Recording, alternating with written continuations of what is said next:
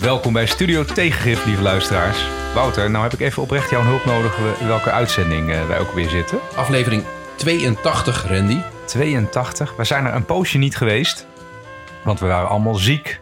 Een beetje, eh, beetje lullig voor de donateurs die zich net gemeld hadden. dat we daarna meteen de langste periode ooit niet ge- opgenomen hadden. Maar we zijn er weer en wij hebben een hele speciale gast. De eerste herhaalgast. Welkom eh, Cody Horstbach. Hoi, leuk dat ik er weer ben. En je bent uit Amsterdam komen rennen. Dat hebben we ook niet, eh, dat hebben we ook niet vaak. Ja, het was mooi zonnig weer, dus eh, lekker renweer. Maar even voor de luisteraar, je bent met, je bent eerst naar station in Amsterdam gerend. Toen heb je de trein genomen hier naartoe. Daarna ben je eh, vanuit eh, Den Haag Centraal hier naartoe gerend, toch? Dat was ongeveer Ja, het verhaal. klopt. En ik ga zo meteen nog een rondje eh, over het strand. Is goed, ik zal je tips geven. Heerlijk. Ja, maar ik denk dat de intelligente luisteraar dat, dat al wel door had hoor. Ik weet niet hoe lang het anders ik weet niet eh, of wij alleen maar intelligente luisteraars hebben. Het wordt je vanzelf als je dit maar lang genoeg luistert. Ja, hey, ehm, even de donateurs eh, erkennen. Wieman, jij, eh, jij, bent, jij bent de penningmeester van dit gezelschap, geloof ik. ja, ik hoe, ben... hoe hangt de vlag erbij? nou, we hebben donateurs. Eh, daar zijn we heel blij mee. Vrienden, moet sorry, moet ik zeggen. We hebben vrienden. We willen allemaal hartelijk bedanken. We hebben wel besloten dat we jullie allemaal niet bij de naam gaan noemen. Want als je dat wil, dan moet je maar voor een andere podcast gaan sponsoren. Maar we vinden het wel heel fijn dat jullie geld hebben Wouter vindt dat gegeven. proleterig om Ja. mensen dan eh, te Precies, benoemen. precies. Ja, Ik, ik zei niet dat ik dat proleterig vond. Maar als je eh, genoemd wil worden, dan mag je ons een bericht sturen. Dan willen we je misschien gaan noemen. Dan doen we dat Nou, dan. als, nou durft niemand dat meer. Maar bedankt, leuk en eh, een volle, volle bankrekening. Nou, de dankbaarheid spatte er wel vanaf, eh, hoe, je dat, eh, hoe je dat net zei. hey, laten we naar, het, eh, naar de inhoud gaan. Cody, je hebt een boek geschreven. En volgens mij hebben de meeste mensen dat wel meegekregen inmiddels. Hoe, wat is er allemaal gebeurd nadat je dit boek hebt uitgebracht? Wat voor reacties? hoe, hoe heet het boek, Randy? Misschien Ja. even... Het is wel eigenlijk wel normaal en logisch om dat eerst even te zeggen. Hè? Het boek heet Uitgewoond. Waarom het hoog tijd is voor een nieuwe woonpolitiek. Nou, dat is perfect, eh, perfecte thematiek, eh, lijkt me. En super, super actueel. Zeker. Eh, ja. Dus ik was, ik was ook gewoon heel erg benieuwd. Wat is er allemaal op je afgekomen nadat je hiermee naar buiten bent gekomen? ja, voor mijn gevoel zeg ik al heel lang eigenlijk een beetje dezelfde dingen. En bundel ik veel van mijn argumenten met nieuwe verhaallijnen in dit boek. Maar ik merk wel dat zo gauw je een boek uitgeeft over een bepaald thema, dat je dan veel meer gevraagd wordt als expert bijvoorbeeld. Iedereen wil opeens dingen van je. Ehm, ik word aan één stuk door uitgenodigd door woningcorporaties, banken, andere, andere partijen die met iets met wonen aan het doen zijn.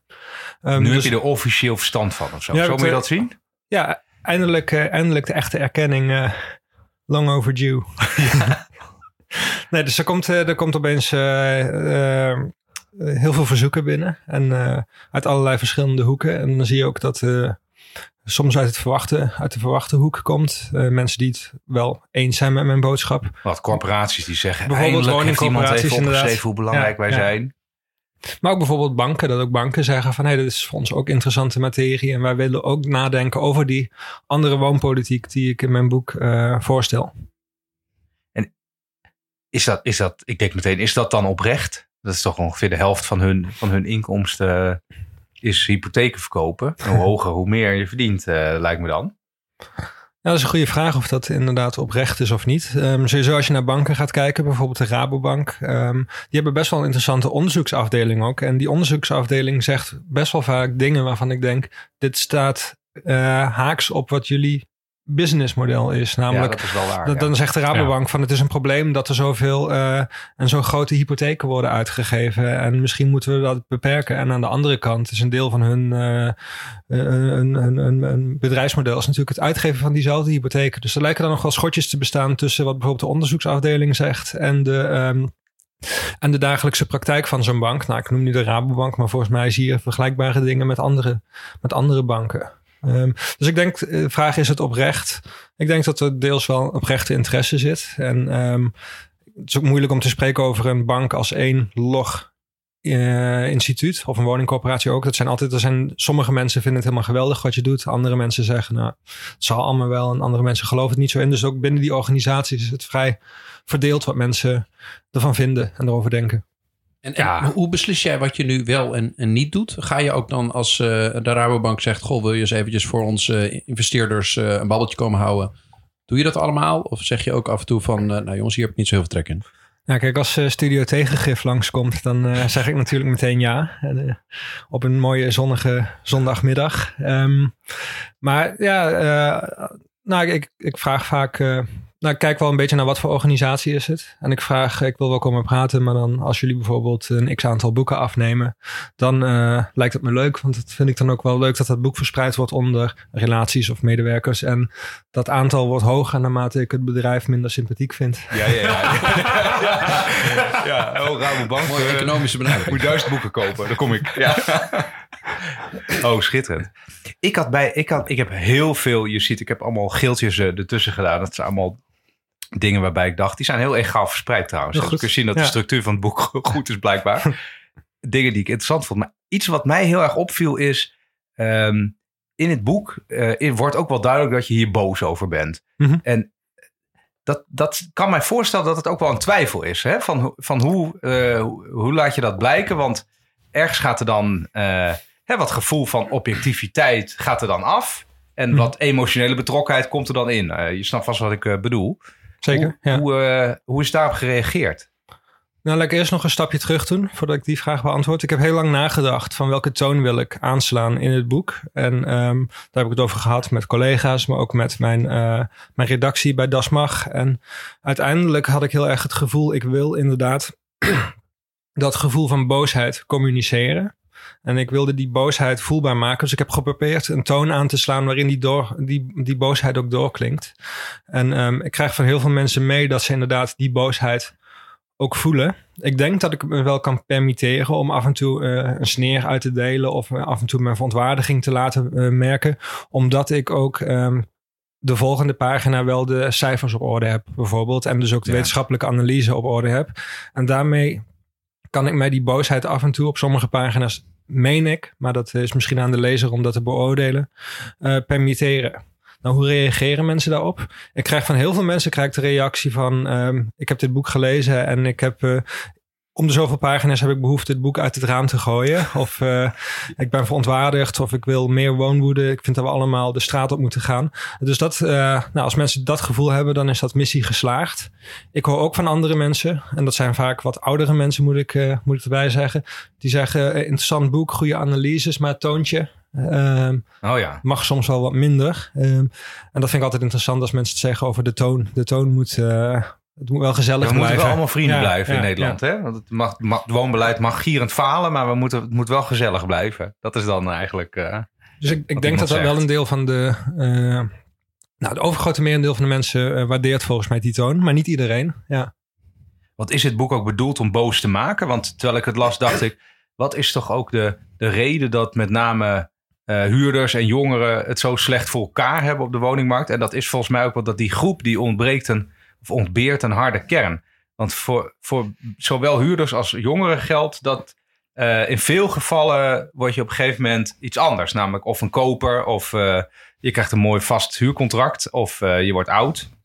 Nou, dat gebeurt in, in ieder geval, bedoel ik. Dus daardoor is het, is, zijn die groepen electoraal heel zwak. Is dit dan ook bedoeld om, die, om mensen boos te maken over iets wat ze tot nu toe, nou ja, een beetje klakkel, of klakkeloos, een beetje accepteerden? Zeker, dat is een van de doelen is inderdaad dat mensen zich boos maken. Dat ze mensen eh, verontwaardigd zijn. En dat ze daar, daarom zich ook gaan hard maken of gaan inzetten. Of op de een of andere manier ehm, zich gaan bezighouden met het verbeteren van de wooncrisis. Eh, het verbeteren van niet alleen hun eigen woonsituatie. Maar ook voor een eh, collectieve verbetering van de, van de woningmarkt. Of van, de, van ons woonsysteem. Misschien is dat beter, een betere term. Ehm, dat is een van de doelen, inderdaad. Een, andere, een ander doel van het boek is dat ik dacht van, nou ja, we moeten, niet, eh, we moeten zien dat die wooncrisis waar, waar we ons in bevinden, dat dat geen toeval is en geen eh, natuurfenomeen of een bedrijfsongeval, maar dat er echt ehm, lange politieke lijnen aan ten grondslag liggen. En ik vind het ook belangrijk om te benadrukken dat het mij niet om één politicus gaat. En het gaat mij ook niet om één politieke partij of om één ehm, kabinet, maar echt een lange politieke lijn die al Ja. eh 30, 35 jaar gaande is. Dus helaas valt het niet te reduceren tot één politicus, want dan was het ook veel makkelijker om het op te lossen. Ja, die, ja, ik snap dat wel, dat- je dat zegt. Want de, de, in de laatste periode, eh, Rutte 2, wa- was het woonbeleid zo, ehm, zo slecht dat je bijna gaat denken dat het in vier jaar tijd allemaal, allemaal geruineerd is. Maar het is een lange... Nou ja, Het kende toch- een lange aanloop inderdaad. Ja. Met misschien Rutte 2 als eh, voorlopig eh, hoogte- of dieptepunt. Nou, Ja. probeer je daar ook een beetje aan voorbij te gaan. Want je, je, in het boek noem je wel allemaal... Ja, soort, je hebt hele mooie anekdotes. Ook over het, het beleid dat toen door eh, volgens mij minister Stef Blok werd gevoerd. Die op, op beurzen van vastgoedinvesteerders uit andere landen trots komt vertellen dat Nederland de perfecte investeringsmarkt is. Eh, en later dat hij een, een volledig minis- ministerie heeft wegbezuinigd. Eh, maar eigenlijk zeg je ook, het is te makkelijk om te vervallen in anekdotische of, of individuele eh, ehm, eh, ja, aanwijzingen van hier ligt het probleem. Eh, of of oh, ja, een van jouw andere, eh, Daniel Koerhaus, is een andere die er af en toe voorbij komt als eh, een verpersoonlijking van wat er mis is. Maar dat, dat is eigenlijk, zeg je, te simpel, want het is een systemisch falen. Ja, nou, je kunt de vraag stellen, is het überhaupt systemisch falen? Misschien is het ook wel een systemisch succes geweest. Want veel van de dingen die ooit zijn opgeschreven eind jaren 80 zijn simpelweg uitgevoerd de afgelopen 30, 35 jaar. Ehm, met uitkomsten die misschien onbedoeld waren, maar wel eigenlijk te voorzien waren. Ehm, Dat vind ik dus een hele interessant. Want je zegt aan het einde zeggen van er moet systeemverandering komen. Eigenlijk een radicale verandering. Maar tegelijkertijd de eh, ontwikkeling die je beschrijft, die heeft inderdaad er 35 jaar over gedaan. Mhm. Dus ik was heel benieuwd hoe je dat dan ziet. Want eh, de systeemverandering die jij dan eh, voorstelt, ik denk dat we die, wel, die, dat we die steunen, de- de- gaat die dan ook over, over 35 jaar zeg maar vervolmaakt zijn? Zijn we daar nu aan het begin? Hoe, hoe zie je dat voor je? Ja, dat is een goede vraag. Ehm, ik denk sowieso dat het iets van de woningcrisis zal niet in eh 1, 2, 3 opgelost zijn. Eh, zelfs als we nu radicaal het roer om zouden gooien, blijf je nog best wel lang eh, nou, in de penarie zitten eigenlijk. Ehm, en ik denk als een politicus beweert wij gaan dit fixen in, eh, in één kabinetsperiode in vier jaar, dan is dat of een hele naïeve of een liegende politicus. De, de wooncrisis is iets van de lange adem. Wat je nu doet, dat zal een druppel op de gloeiende plaat zijn. Dus Ehm, ik denk dat de wrange realiteit is, is dat eh, dit is een langdurig en structureel project geweest. Wat het alleen maar moeilijker maakt om daar eh, op korte termijn uit te komen. Maar dat ontslaat je niet van de plicht om ook op korte termijn naar verbetering te streven natuurlijk. Ik wil even voor de, de, de luisteraar die er net wat minder vanaf weet dan, dan jullie drie. Ehm, want je zegt, dit is een langdurig project geweest. Mhm. Hoe zou jij dit omschrijven? Even voor de... Eh, de woonpolitiek sinds, sinds eind jaren Ja. 80 ehm, is heel erg het, eh, het woonbeleid of de woonpolitiek gericht geweest op het aanjagen van de koopwoningmarkt, het stimuleren van de koopwoningmarkt. Mensen moesten een woning gaan bezitten, want het idee was als mensen een woning kopen, dan worden ze eigenlijk betere burgers. Ze sparen geld, vermogensopbouw en daardoor worden ze individueler en onafhankelijker. Tegelijkertijd ehm, zouden ze ook trotsere burgers zijn en eh, beter met hun bezit omgaan, beter met hun buurt omgaan enzovoort. Dus het zou eigenlijk betere burgers creëren, was het idee van die woonpolitiek. Dus mensen moesten een woning gaan kopen en konden dat gaan doen door steeds grotere leningen. Nou, het gevolg is geweest dat inderdaad een groep mensen in staat is geweest om daardoor een woning te kopen. Maar op langere termijn zijn de prijzen gigantisch eh, toegenomen. Want hoe meer geld je in het systeem pompt met hypotheken, hoe hoger de prijzen zullen zijn. Ehm, dat is één deel van het verhaal. Dus die, dat constant aanjagen van de koopwoningmarkt. En ook het ideologische frame van kopen is beter dan huren. Ik huur zelf bij een woningcorporatie en ik beschrijf dat ook in mijn boek. Dat zelfs mijn woningcorporatie Eigen Haard een advertentiecampagne had met de slogan, slogan waarom huur je eigenlijk nog? Dat is natuurlijk heel raar dat een woningcorporatie met als bestaansrecht het verhuren van woningen zo'n soort campagne opzet. Eh, dat is best wel gek. En Misschien dan- was je te rijk Loser, geworden. Ja. loser, waarom huur je eigenlijk bij ons? Ja, maar dit Ja, is wel even geleden, toch? Of, Dat eh, was 2013, 2014, een Oh, beetje in die periode. Ehm, precies de tijd dat ik bij Eigen Haard kwam huren. Ehm, met dan in de, in de advertentietekst stond geen geld meer in de bodemloze put. Heel erg het idee van huren is geld weggooien. En het, Ja, dat is elke- dan ben je toch ook knettergek als je als woningcorporatie jezelf dan beschrijft als de bodemloze put. Ja, nou, blijkbaar, ja. blijkbaar was er binnen Eigen Haard ook wel onvrede over die campagne. Dus die is ook al vrij snel een stille dood gestorven. Maar het feit dat hij wel door al die managementlagen heen is gekomen en op straat is komen te hangen met grote posters. Dat toont wel aan dat genoeg mensen het Ja. geen probleem vonden. Ehm, en de keerzijde van die ideologie van woningbezit, dus dat idee dat je echt een woning moet kopen dat jou, eh, dat, jou dat een betere burger maakt, is de marginalisering en ook de stigmatisering van de volkshuisvesting. We hadden in Nederland een volkshuisvesting, een betaalbare sociale huursector, die toegankelijk was voor een brede laag van de bevolking. lage inkomens, maar ook middeninkomens. Met woningen van goede kwaliteit en betaalbaar. En eigenlijk vanaf eind jaren tachtig is die, is die sector kleiner gemaakt. Er zijn heel veel sociale huurwoningen bijvoorbeeld verkocht of gesloopt. Of uh, naar het vrije segment overgeheveld. Um, die sociale huursector is ook soberder geworden. Het gaat steeds vaker om de kleinere en goedkopere woningen.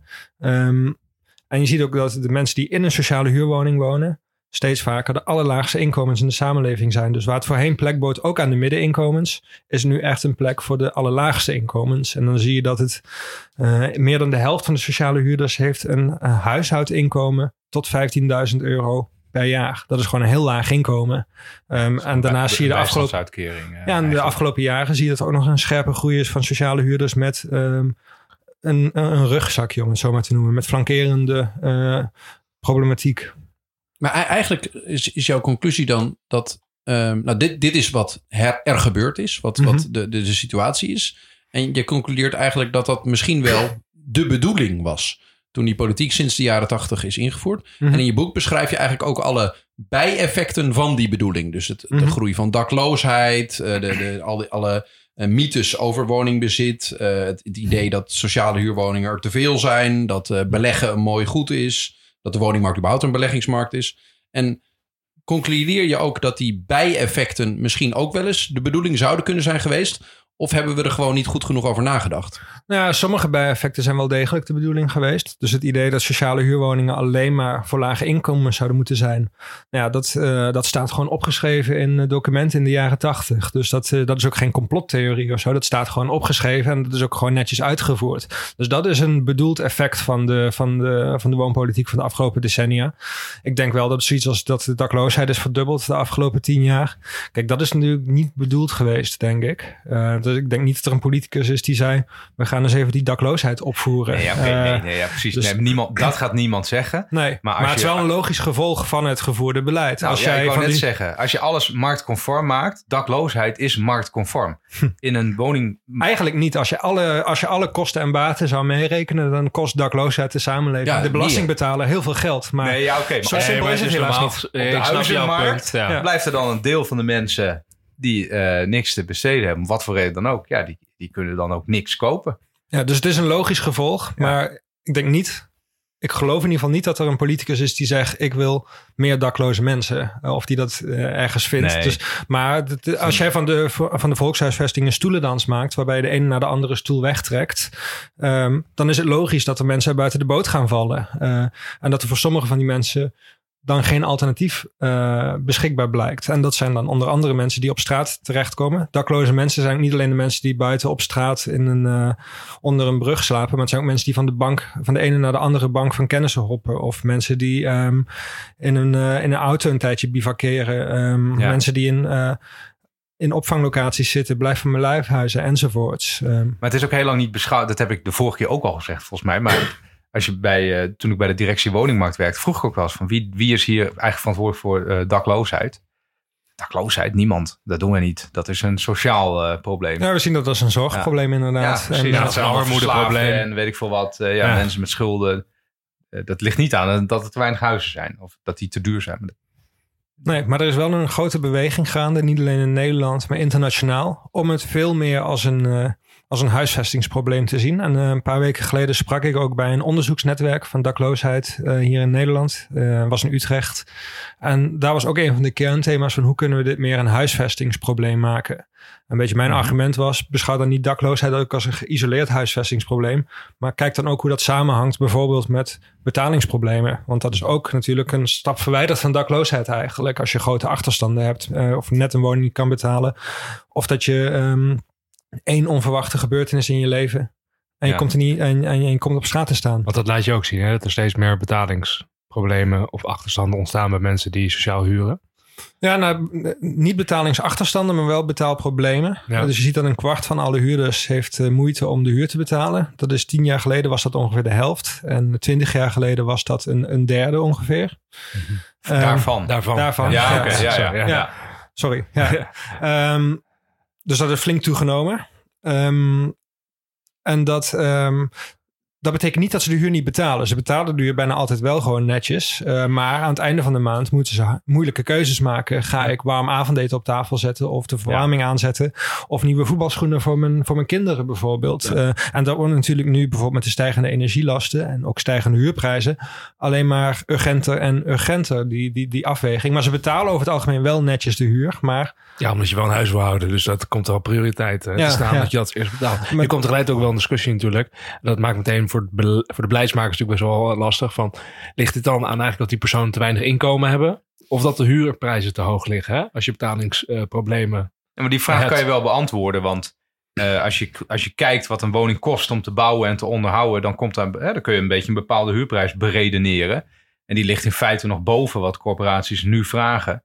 Dus dan is de conclusie, als je het mij vraagt, dat mensen een te laag inkomen hebben.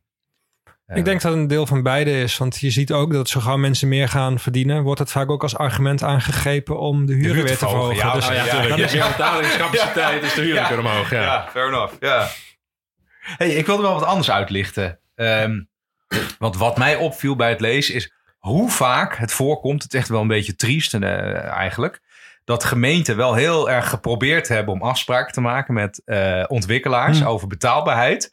En dat ze het dan toch niet helemaal goed hebben opgeschreven in het contract. Ja. Hè? Dus dat is echt... Dat is jammer, toch? komt- ja, ja, ja. Hè, kut. Weer mislukt. en dan, eh, hè, dan eh, dingen zoals... eh, ik weet niet of je dat nou hier ook zo in uitlegt hoor. Maar even voor de luisteraar. Dat, dat is gezegd, ja, de huur moet, weet ik veel, 600 euro zijn. Maar dan beginnen we alvast met huurverhogingen al voordat het, voordat het gebouw er staat. Dus tegen de tijd dat eindelijk gerealiseerd wordt, is het al duizend of weet ik veel wat. Eh, of andere, andere juridische fouten. Is het, is het woningmarktbeleid ook voor gemeenten dan niet gewoon te ingewikkeld geworden? Want ze, pro- ze willen het wel, ze proberen het wel, maar ze, ze kunnen het gewoon niet.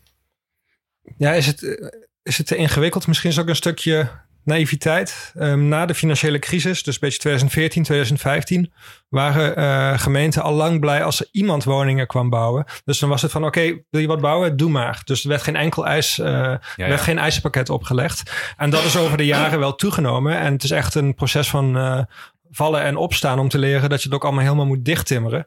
Maar in het vorige kabinet Rutte 3, toen, was, ehm, toen Kajsa Ollongren een tijdje ziek was, werd eh, haar plek ingenomen door Stientje van Veldhoven. Oh ja, ja en die moest reageren op een woning. periode was dat. Ja, eh, en die moest reageren op een woning die in Amsterdam West voor 7000 euro per maand werd verhuurd. Eh was verkamerd en iedere kamer kostte iets van 700 euro per maand. Ja. Ehm, en toen zei ze van ja, dit zijn uitwassen, maar ik, ik ga dit niet reguleren, want ik vertrouw erop dat ehm, beleggers niet het maximum zullen Oh ja, echt vragen. niet, het, niet het onderste uit de kan zullen halen. Ze heeft later haar woorden ook moeten inslikken. Maar die houding van nou, ik vertrouw gewoon op de, eh, hoe zeg je dat, op de blauwe ogen van de ontwikkelaar. Ehm, nou ja, dat, eh, dat is denk ik ook een deel van het probleem. In mijn, in mijn boek beschrijf ik het voorbeeld van Utrecht, waar Ja, ook beleggers ook nauwelijks een strobreed in de, reg, in, de, in, in, de, in de weg zijn gelegd. En dan zie je dat ze dachten.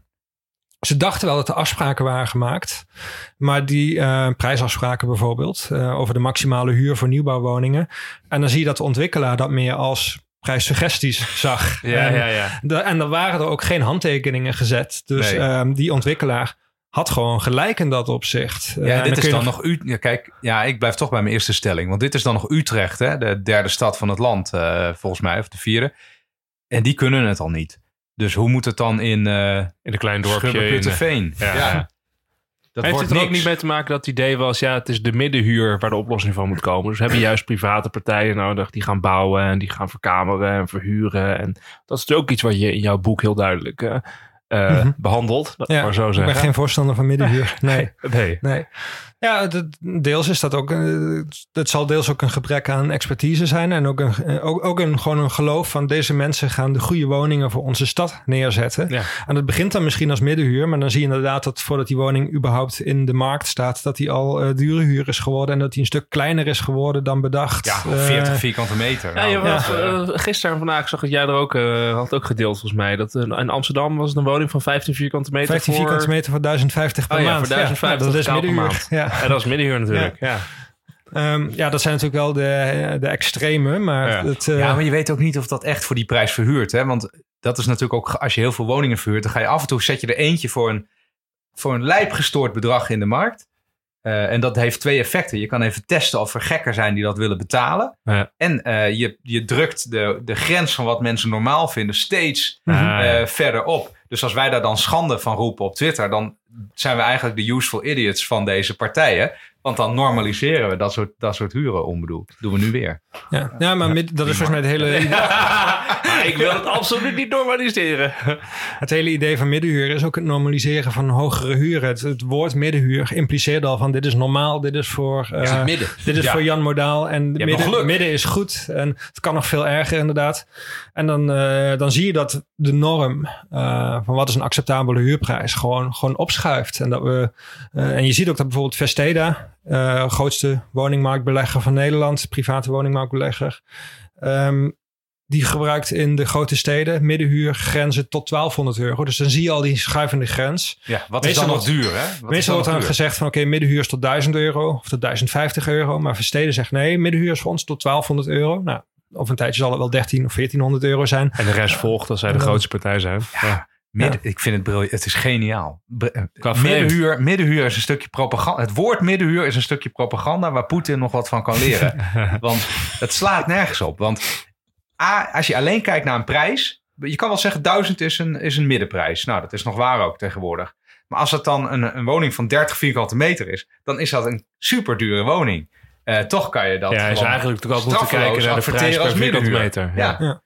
Ja, Ja. dus het is ook nooit goed. Als je echt als overheid eh, vindt dat middenhuur een, eh, iets is, Mhm. wat ontwikkeld moet worden, dan moet je dat ook een, een, eh, een juridisch kader geven. Dat je zegt, nou, maximaal zoveel euro per vierkante meter is middenhuur. Ja. En daarboven is, is niet Ja, dus middenhuur. middenhuur is dus geen juridische term op dit Nee. moment. Dus dat is gewoon een label wat je kan plakken op iets wat jij in het midden vindt liggen. En dat, maar het is wel eh, beleidsmatig relevant. Want gemeenten zeker. schrijven dat op in plannen. En dan eh, kom je er op die titel doorheen. Terwijl daarna is het knetterduur. Nou, je hebt die samenwerkingstafel middenhuur. En eh, nou, Utrecht heeft ook zo'n actieplan middenhuur. En Amsterdam heeft ook een vergelijkbaar plan voor middenhuur. En dat zal in andere steden niet anders zijn. Dus iedereen is ermee bezig en iedereen wil het. Eh, Sowieso een goede suggestie voor de luisteraar om een keer eh, goed eens na te denken. Eigenlijk wat je bedoelt met middenhuur. Om dat vast te leggen, ergens juridisch. Nou, wat, wat Ja, eigenlijk wat- aan de hand is, is het volgens mij, is dat wat, wat bij heel veel takken van sport, waar de overheid zaken, de volkshuisvesting staat in principe in onze grondwet, daar heeft de overheid een zorgplicht. Om dus te zorgen dat burgers ehm, iets wat in de wet staat, dat ze daar recht op kunnen hebben. En als een sector dan geprivatiseerd wordt, wordt die zorgplicht ook in de wetgeving opgenomen dat de partijen die dat privaat gaan doen onder bepaald toezicht, bijvoorbeeld in de bankaire sector, daar is een zorgplicht eh, ingericht voor banken. En volgens mij is het zo dat in die, die hele tak van volkshuisvesting het, de hele, eh, het woordgebruik of de, de semantiek zo is geworden dat de zorgplicht van de overheid, die zijn we gaan vergeten. Dus de plicht van de overheid om zorg te dragen dat mensen een dak boven hun hoofd hebben en een fatsoenlijke eh, woonomgeving hebben. eh, die zijn we vergeten. En vervolgens heeft, is die overheid die, die woningvoorraad grotendeels gaan privatiseren. En zijn er allerlei labels geplakt die geen zorgplicht in zich dragen. Dus dat er niet een taak is voor een partij om zorg te dragen dat het ook echt gebeurt. Dus dan krijg je dat het een soort marketing wordt eh, en allerlei Ja. termen de wereld ingeslingerd kunnen worden. Waarbij niemand de plicht heeft om te zorgen dat het ook iets betekent. Dus het klinkt allemaal heel mooi, middenhuur en, en wijken met, met verschillende eh, eh, woonvormen en, en eh, met mensen. uit al- maar de- mijn punt is meer, er is niemand die erop aangesproken kan worden. Want de investeerder die het gedaan heeft, kan daarna zeggen van... nou ja, er staat nergens op papier, eh, ik, ik ga de prijs gewoon laten stijgen. Er staat nergens op papier, ik maak de woning-eenheid gewoon kleiner, kleiner. En de overheid kan niet op een soort recht aangesproken worden dat de burger heeft. Ik, ik verbaas me nog steeds over dat nog nooit iemand naar de rechter is gegaan... en zegt ja, het staat in de grondwet dat, ik, eh, eh, dat u als overheid een zorgplicht heeft... eh, rondom mijn huisvesting. En ik heb alles in mijn leven goed gedaan, maar ik heb geen huis. Ja, dat is dus de vraag in hoeverre je dus het recht op huisvesting, dat staat inderdaad in de grondwet, artikel 22 lid 2, ehm, dat eh, behoorlijke huisvesting een recht is en een zorg der overheid. Maar het is de vraag in hoeverre dat juridisch afdwingbaar is. En er zijn wel eh, voorbeelden uit het buitenland dat er naar de eh, rechtszaal is gestapt of naar de rechter is gestapt eh, om dit recht te verwezenlijken. Dat is op basis van het Europese Verdrag van de Rechten van de Mens. Dus dergelijks. Nou, in Zuid-Afrika bijvoorbeeld is het ook naar de rechter gebracht. En daar heeft de rechter gezegd, inderdaad, de overheid moet stappen nemen om dit te verwezenlijken. Mhm. Maar het, er is wel nagedacht over zo'n zo'n zo'n rechtszaak te beginnen. Maar het blijkt toch dat het moeilijk is om dit via de rechter af te dwingen. En dan wordt meer gezegd van oké, dat recht op huisvesting, dat recht op een thuis, wat ik ook in mijn boek gebruik, is misschien meer een, uh, een politieke claim of een morele eis van je Mhm. moet dit gewoon doen. En ik vind dat de afgelopen verkiezingen zag je ook heel erg dat eigenlijk alle politieke partijen zowat iets, iets wel hadden over van wonen is een recht. En uh, Ja. geen markt, maar een recht. En ook Hugo de Jonge zie je nu dat hij in zijn eerste uh, maanden als minister voor, uh, voor volkshuisvesting zegt. Um, wonen is een recht en het is een publieke taak en we hebben dit te veel aan de markt gelaten. En ik denk wel dat zo gauw politici of politieke partijen dat soort taal bezigen, dat je ze dan wel aan moet gaan houden. Uh, en dat dat misschien een shift is richting uh, uh, toch het meer serieus nemen van dat recht. Ook al is het misschien nog geen juridische. Maar het is toch, het is uh, qua uh, gewoon een keer doordenkend van inderdaad, stel je ervoor dat de, de hoeveelheid daklozen was nu richting de 100.000 gaan. Als je namelijk 100.000 daklozen in Nederland claimen die tegen de overheid dat het recht op uh, volkshuisvesting niet uh, wordt behaald, doet me heel erg denken aan uh, discussies over Urgenda en box 3 ja, en dat soort mij zaken. Is Ik denk dat je best ergens een uh, mogelijkheid hebt. Je hebt toch niet echt een poot om op te staan uh, in het Nederlandse recht uh, dan. Nee, daarom zeg ik ook, kan je sowieso mij, niet toetsen natuurlijk. Maar daarom vraag ik me ook af of je niet op basis van uh, het Europees Verdrag voor de Rechten van de Mens bijvoorbeeld. Daar is het indirect ja. wel in verankerd. Ja. En als de, als de Nederlandse overheid zich uh, toezegt dat te realiseren, of die, uh, die rechten te respecteren. Dat zou een ingangetje kunnen zijn. Maar het is inderdaad, volgens mij, ik ben geen jurist, dus ik vind het heel moeilijk om daar uh, harde uitspraken over te doen. Maar wat ik begrijp is eigenlijk wat Randy ook zegt. Namelijk dat het wel vaker onderzocht is en dat het toch wel moeilijk is om dit juridisch af te dwingen. Um, ja, we hebben ja, maar, denk ook, maar dat denk ik bij al die andere zaken ook. Hè, tegen Shell, met Urgent. Ja, okay, dat, dat is allemaal waar, ook, ja. werd eerst ook gezegd dat het allemaal niet kon. Maar weet je, ik denk dat het dat is misschien dus ook wel een tijdgeest, typische... hè? Denk, het, oh, toch? Dat, uh, een typi... Zegt natuurlijk allemaal dat het niet zo is, maar uiteindelijk is ook de rechtelijke machten en de juridische uitspraken ja, worden ook door de tijdgeest natuurlijk ja, maar weet je, gevormd. de overheid doet daar toch niks mee. Dat geldt voor agenda ook. Dus, of nou ja, ze moeten deels wel ergens, maar ik denk dat het, dat het misschien wel een typische hoogopgeleide gedachte is om het dan bij de rechter af te gaan dwingen. Want ja, uh, zeker. het maakt waarschijnlijk veel meer indruk als je met z'n honderdduizenden uh, zegt, nou, we gaan nu in, op en rond het uh, plein in Den Haag uh, blijven wij gewoon ja, dakloos zijn. We gaan gewoon binnenhof kraken. Ja, we gaan gewoon daar zitten. Want ja, dan wordt het tenminste zichtbaar. Ja, als daar iedere dag duizenden mensen zitten, dan wordt het snel opgelost. Ik zou groot ik. voorstander zijn. Uh, sowieso het zichtbaar maken van de wooncrisis is denk ik heel belangrijk. Dat je, uh, dat je echt ziet van oké, er zijn mensen die buiten de boot vallen en die wooncrisis is zichtbaar in het straatbeeld. En daarom ben ik ook een voorstander van kraken. Kraken is natuurlijk een manier waarin je, waarop je die wooncrisis en eigenlijk het, het claimen van het recht op een uh, thuis zichtbaar maakt in het straatbeeld. Van oh, dit is het kraakpand uh, waar mensen dus hun claim leggen. Wij vinden -hmm. ons mensenrecht ja. uh, op een betaalbare woning belangrijker dan het eigendomsrecht van een speculant die die woning vaak al jaren leeg laat staan. Dat is het. Een van de waarden van kraken is dat het het zichtbaar maken van de wooncrisis in het straatbeeld. Hoe verklaar je? Want ik, ik vind het culturele aspect heel uh, interessant. Jouw, jouw boek gaat heel vaak. Uh, maak je het, kwantificeer jezelf heel goed waar je soms een emotionele band mee hebt in een analyse. Maar ik vind het, het, het, de, eigenlijk de, de collectieve moraal die wij hebben, dat wij het het eigendomsrecht. Dus ik ben een investeerder. Ik woon in, uh, in, in Londen. En ik koop een groep uh, uh, Amsterdamse panden. Ik laat ze leeg staan omdat ik vermoed dat ze duurder gaan worden. Um, en ik heb helemaal geen enkel belang bij om daar een huurder in te proppen. Um, dat belang van die investeerder vinden wij belangrijker dan mensen die geen huis hebben. Hm. En ik, ik vind het zo. Hoe, hoe kijk je daaraan tegen dat culturele fenomeen dat wij het dan normaal vinden dat daar binnen een dag de ME op de stoep staat om mensen eruit te mappen? Ja, ik, ik denk dat een van de gevolgen wat van het woonbeleid van de afgelopen 30 jaar, maar eigenlijk breder het neoliberale politiek van de afgelopen decennia, is dat we uh, ons allemaal als individuen zijn gaan zien, waarin we als individu onszelf moeten invechten in de samenleving en op de woningmarkt. En dat we met strategisch manoeuvreren op de woningmarkt uh, een flinke slag kunnen maken. En dat we daarmee flink geld kunnen verdienen.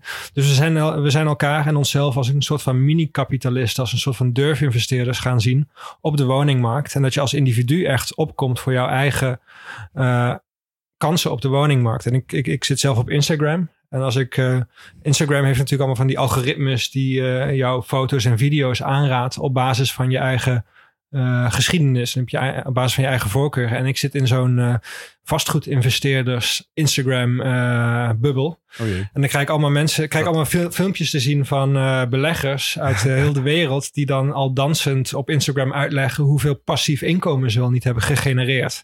Dat is een beetje het toverwoord onder al die beleggers passief inkomen. Hoe kan ik, zonder er iets voor te doen, hoe kan ik dan slapend rijk worden? Dat is, uh, dat is de droom. En dat is volgens mij ook een soort van individualisering van... Uh, nou ja, een verheerlijking van rijkdom. Het is een individualisering van, uh, van ja, toch, woonkansen. Het is toch opvallend dat het dan een individualisering van het eigendoms... van het eigendomsrecht, zeg maar. Dat is dan extreem, extreem belangrijk. Maar dat, je, dat er individuen zijn die geen huis hebben...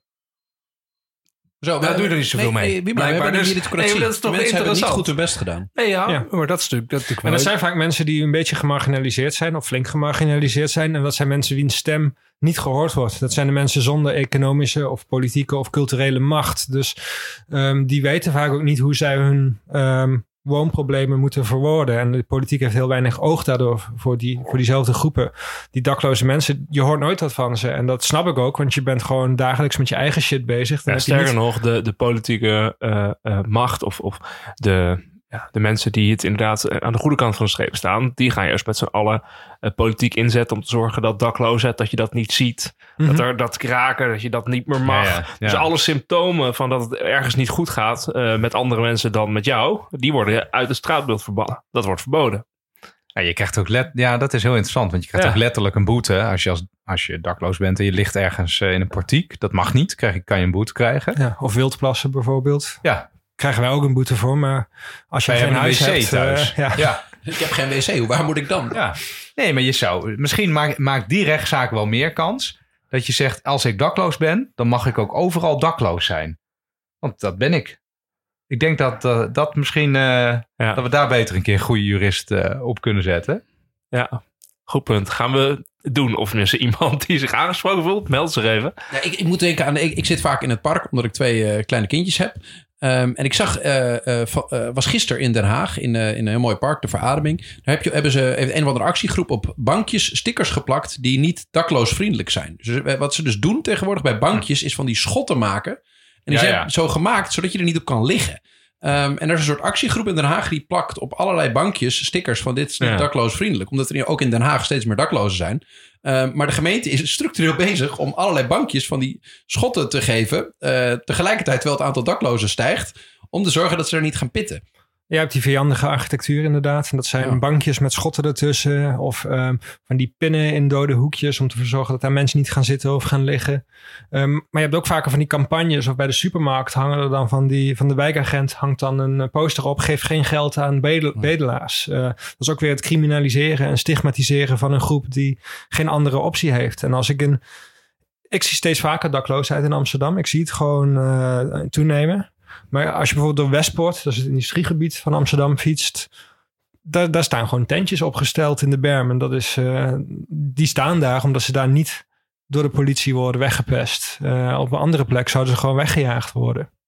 Nou, en dat is een, die dakloosheid, die, eh, die, die vaak onzichtbaar blijft, maar toch soms zichtbaar wordt. Ik vind dat we, een van de redenen waarom ik die boosheid in mijn boek heb verwerkt. Dit vind ik nou echt een, een nationale schande eigenlijk. Dat we daar echt collectief boos over zouden moeten zijn. Ik ga nu even een beetje flauw doen. Want heel veel van die mythes die, die jij noemt. En dat ik, denk, eh, ik zit in een soort uh, bubbel van, van hoogopgeleide, welvarende mensen, denk ik.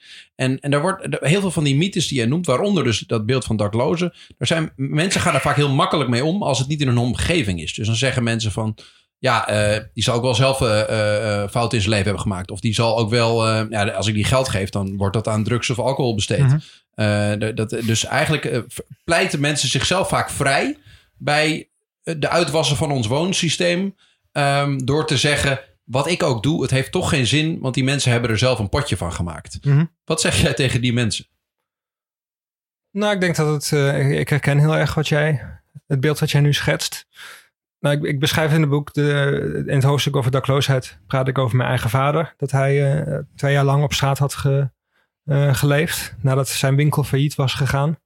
En um, nadat mijn boek uit was, of eigenlijk nadat er een paar interviews waren verschenen in de kranten, kreeg ik een e-mail van iemand die mijn vader gekend had. En die zei van, nou ja, je schetst wel een beetje een simplistisch beeld, want het was toch wel degelijk ook zijn eigen schuld dat hij op straat eh, sliep. Terwijl juist mijn, eh, mijn, eh, mijn argument is, het is niet een individuele schuldvraag. Maar die persoon zei toch van ja, je vader heeft toch al allerlei verkeerde keuzes gemaakt. ook met zijn winkel en het inrichten van zijn leven. En hij zal ongetwijfeld verkeerde keuzes hebben gemaakt. Maar dat zou alsnog geen aanleiding moeten zijn om iemand op straat te gooien. Zelfs als je allerlei verkeerde keuzes maakt in jouw leven. Dan zou je alsnog gewoon dat recht op een woning moeten behouden. Dus dat is een individuele schuldvraag doet er in dat opzicht niet zoveel toe.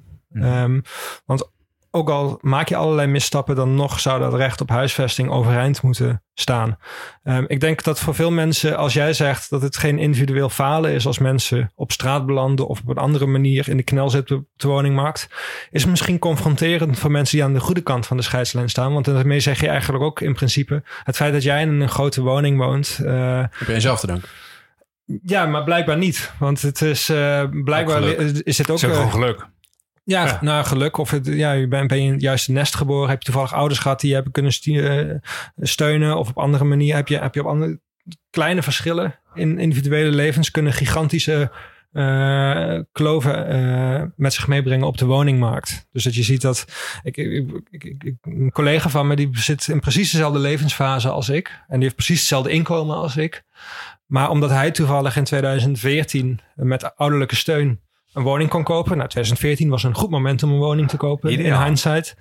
Ehm, heeft hij gigantisch veel overwaarde opgebouwd. En hij krijgt nu voor de tweede keer opnieuw ouderlijke steun. Hij kan bieden op woningen in zijn eentje van 7 à 8 ton. En ehm, als ik ga berekenen wat zou mijn maximale hypotheek zijn. Nou, dat is misschien 3 ton. Daar kun je in Amsterdam een paar parkeerplekken van kopen. Maar that's it. Eh, en zo zie je dat eigenlijk ehm, dat ene verschil, het krijgen van ouderlijke steun op het goede moment, nu een gigantische woonkloof en dus ook een gigantische vermogenskloof met zich meebrengt. En ik denk dat als ik als individu, als, als ik in mijn boek opschrijf, het is niet jouw individuele schuld als jij op straat belandt of klem zit op een andere manier.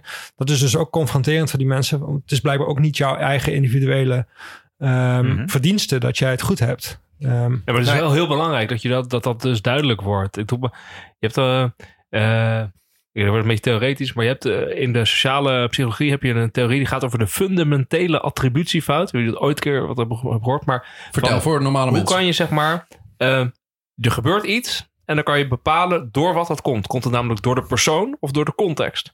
En de fundamentele attributiefout, de theorie erover zegt eigenlijk dat op het moment dat jij als persoon zelf het gevoel hebt, ik heb succes, dan attribueer je dat aan je eigen persoon. Je hebt Aan het jezelf, zelf, aan wie je hebt het anders. zelf gerealiseerd. Natuurlijk heb je het zelf gerealiseerd. En gaat het fout, heb je ongeluk, dan ligt dat natuurlijk eh, aan de omgeving. Als je het bij iemand anders ziet, je ziet iemand anders juist succes hebben, dan zeg je, nou ja, dat zal waarschijnlijk Die wel aan de context, ja, de context liggen. Talentloze En op het lul. moment dat iemand anders, ja, op het moment dat iemand anders het heel slecht mee gaat, dan denk je, ja, dat ligt aan de persoon. Dat heeft die persoon dus zelf fouten gemaakt. Die heeft daar gewoon een fout gemaakt. Dat is precies wat je, wat, waar dit over gaat. Dat inderdaad, als je, tegen, als je gaat zeggen, ja, mensen die het slecht hebben in hun leven, dat is eigenlijk allemaal hun eigen schuld. Ze hebben zelf foute keuzes gemaakt en dergelijke. Dan hoef je er ook niet meer druk om te maken. En je kan tegen jezelf zeggen, ook al heb je met steun van pa en ma op het goede moment een huis gekocht. Zeg je gewoon van, ja, heb ik dus gewoon heel erg goed gedaan. Dus jij zegt Eh, eigenlijk als diertje hebben wij hey. een hele verknipte psychologie. Ja, we maken, je verknipte. maken, we maken van onszelf winnaars versus verliezers. En ja, dat, dat, dat je dat ook gewoon zelf hebt gedaan. Als je goed uitkomt. Nou, dat, dat, volgens mij is dat, is dat de belangrijkste, misschien of tenminste, dat denk ik. Een van de belangrijkste bijdragers van het boek. Dat het laat zien, of echt blootlegt, door gewoon dat beleid langs te gaan. Dat het overheidsbeleid erop gericht is, zoals het nu is, om verschillen groter te maken.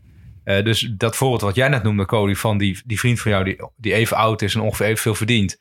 Die eh knetterrijk is geworden eh, van de woningmarkt. Ik kan het hem niet kwalijk nemen trouwens. Laat ik dat even... Nee, nee, ja, individueel nee, dat dat is het kwalijk niet. gaan nemen. Nee, maar dat is dus een mooi voorbeeld, omdat je twee soort van dezelfde, in economische zin dezelfde poppetjes hebt, waarbij de ene eh, heel erg profiteert van alles wat er is en de ander niet. En dan zie je dat die woningmarkt echt een vliegwiel van ongelijkheid Ja. is. Dus dat een, er was al een verschil en dat verschil dru- drukt zich uit op de woningmarkt. Ja. Namelijk, hij kon ouderlijke steun krijgen en ik niet. Ehm, maar vervolgens eh, vergroot de woningmarkt dat aanvankelijke verschil nog gigantisch uit. Ja. Maar ik denk ook, als we het hebben over dus dat, dat, eh, die, eh, dat idee van dat, is het je eigen schuld of niet? Ehm, ik denk ook dat veel mensen in de knel zitten zichzelf ook een soort van ehm, nou, dat ook dat gevoel hebben geïnternaliseerd van ik, ik heb hier gefaald en het is mijn eigen schuld. En dat, uh, uh, daar moest ik aan denken, onder andere toen mijn, mijn moeder heeft het boek gelezen. En ik heb het af en toe wel over mijn moeder in het boek, maar uh, heel zijdelings. Dat is echt maar een zijpaadje. Ergens in het boek noem ik blijkbaar dat um, iedere keer als ik op bezoek kom bij mijn moeder in de sociale huurwoning in Maastricht, um, zo'n jaren zeventig, woonerfwijk, Bloemkoolwijk, woning. Ja, ja. Um, als ik daar bezoek kom, zie ik dat die schimmelvlek in de badkamer weer iets groter is geworden. Oh ja, um, ja. En dat voor mij was het een illustratie van de teleurgang van de volkshuisvesting. Namelijk, er wordt nauwelijks onderhoud gepleegd. Uh, mijn moeders sociale huurwoning is een paar jaar geleden verkocht door de woningcorporatie Servatius aan een Duitse belegger. Omdat ook Servatius had zich vergalopeerd aan allerlei megalomane projecten, wat miljoenen aan schulden heeft opgelopen, uh, opgeleverd. Um, dus je ziet dat die Duitse belegger bijna geen onderhoud pleegt. En dat die schimmelvlek in de badkamer is voor mij dan een soort van symbool van die geleidelijke aftakeling van de volkshuisvesting. Maar toen sprak ik mijn moeder hierover, over, dit, uh, over het boek. En zei ze, nou, ik ben, heel, ik, ben heel trots op je, bla bla bla. Maar ik ben ook boos op je. Toen dacht ik, boos, waarom ben je in godsnaam boos op me? Uh, je moet boos zijn op de woonpolitiek. En op de, dat, is, dat was het doel. Toen zei ze, ja, maar je, je hebt het over die schimmelvlek in de badkamer. En dat klopt ook wel, maar dat, ja, dat is toch een beetje alsof je de vuile was... Hebben we het niet over. Ja, ja hebben we het niet over. Dus als ze deze podcast luistert, zal ze wel weer boos zijn. uh, nou, maar volgens mij bedoel jij, uh, mama, uh, dit is niet jouw mama. falen. Dit is ja. het falen van die Duitse belegger. maar ja. niet eens van die Duitse belegger, maar en van, van onze politiek. En ja, van de, ja, nee, fundamentele okay, attributiefout, man, zeg je dan. Fundamentele attributiefout. Bel je wie maar, zeg, leg even uit wat een fundamentele attributiefout is. Maar dat kan je dus allemaal uitleggen en dan heb je ook gelijk. Alleen de reactie van je moeder is dus volstrekt menselijk. Want je... maar het is toch het individualiseren en dat mondt zich dan uit in, in, in een vorm van schaamte. Dat ze denkt van ja, dit is toch een beetje mijn falen. Wat hier dus eigenlijk in een bijzinnetje. Want ik heb er niet eens zo diep over nagedacht. Over nee, je leest er zo overheen uh, als je het. Uh, ja, als niemand, je het niemand leest. let daarop. Maar natuurlijk, nee. als jij de, het onderwerp bent van die zin, dan, dan lees je het natuurlijk wel. Uh, maar dat is toch het individualiseren van succes of falen. En ja. dat, dat vond ik een heel exemplarisch voorbeeld eigenlijk. Ik vond dat je daar nog redelijk mild overheen ging. Dat het verkopen van uh, sociale huurwoningen aan commerciële beleggers. Um, je, je, je legt wel uit dat dat, dat dat wel het een en ander verandert. Terwijl het waar, vaak wordt gepresenteerd als er verandert niks. Mhm. Mm -hmm. Maar toch in mijn optiek, er verandert wel heel veel. Want eerst ben je in de hand van een, nou, een soort publieke instelling. Die uh, ook eeuwig aanwezig is in dat gebied. Mhm. Mm -hmm. uh, niet eens in principe, dat is gewoon in de wet zo bepaald ook zelfs. Uh, dus die gaan ook niet weg. En je woning wordt niet uh, rondverkocht en rondverhandeld. En die doen ook uh, onderhoud, want die hebben toch geen aandeelhouders waar ze geld aan kunnen uitkeren.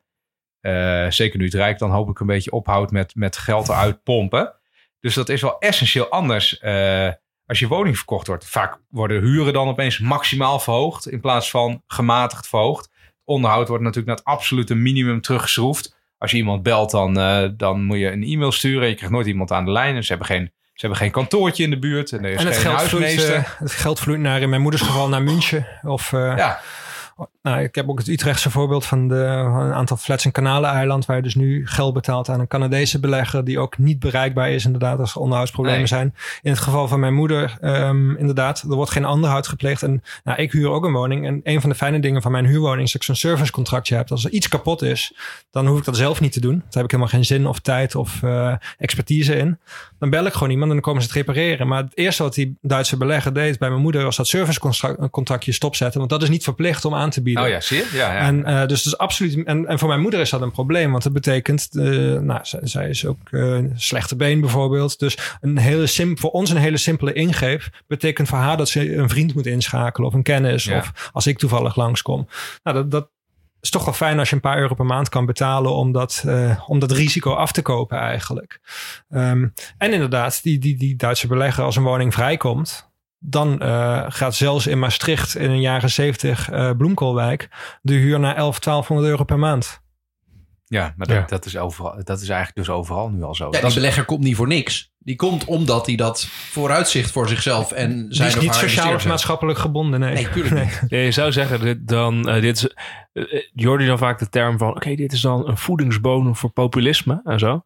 Maar als je dit hoort, dan denk je gewoon, ja, maar geheel terecht, toch? Dit is gewoon iets wat compleet, uh, compleet faalt. Um, Ja. Ik echt, echt, echt compleet. Nee, maar ik zoek Ja. af en toe wel eens... Want er wordt zo makkelijk dan gezegd van... Oh ja, oké, wat is de reden dat mensen... eh, eh, eh, Steeds ruiger gaan stemmen, gaan stemmen proteststemmen gaan, eh, gaan uiten en dergelijke. dit natuurlijk. Nou, Ja. dit is er een reden van. Eh, Dat hoef je mensen niet uit te leggen hoor. Als jij iedere maand 1400 euro overmaakt aan een of andere half criminele organisatie, dan. eh, ja, maar soms het is toch wel blij. heel zorg. Het is, het Het is, is wettelijk legaal allemaal gemaakt. legaal Ja. gemaakt. Het is een bewust beleid en zo. En eh, wat Koos zei klopt natuurlijk. De mensen die eh, deze huren moeten betalen, of willen betalen, of moeten betalen, moeten betalen. moeten betalen, die gaan waarschijnlijk ook nog eh, duidelijk minder stemmen dan de mensen die in een koopwoning zitten. Zeker, ja, dat, eh, dat, dat zie je heel duidelijk. Kopers gaan veel vaker stemmen dan huurders.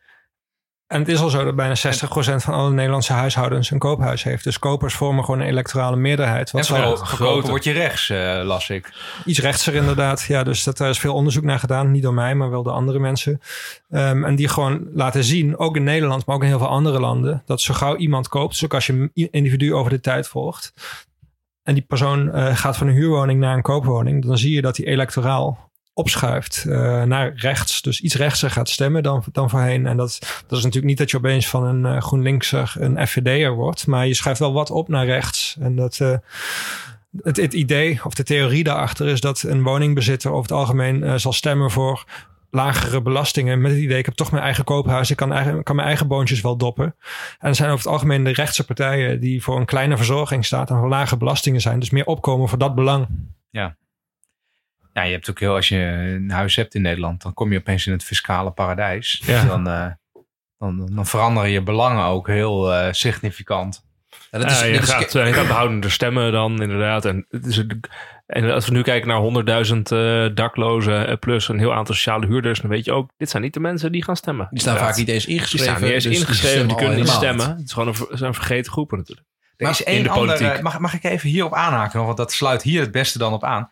Er is één hele foute kerngedachte eh, in het gemeentelijke woningbeleid, wat jij een aantal keer noemt. Mhm. Namelijk gemeentes. Ik kwam op een gegeven moment, had ik het door, na- toen ik het, toen ik het voor de derde keer las, dat heel veel gemeentes denken dat mensen van betaalbare woningen arm worden.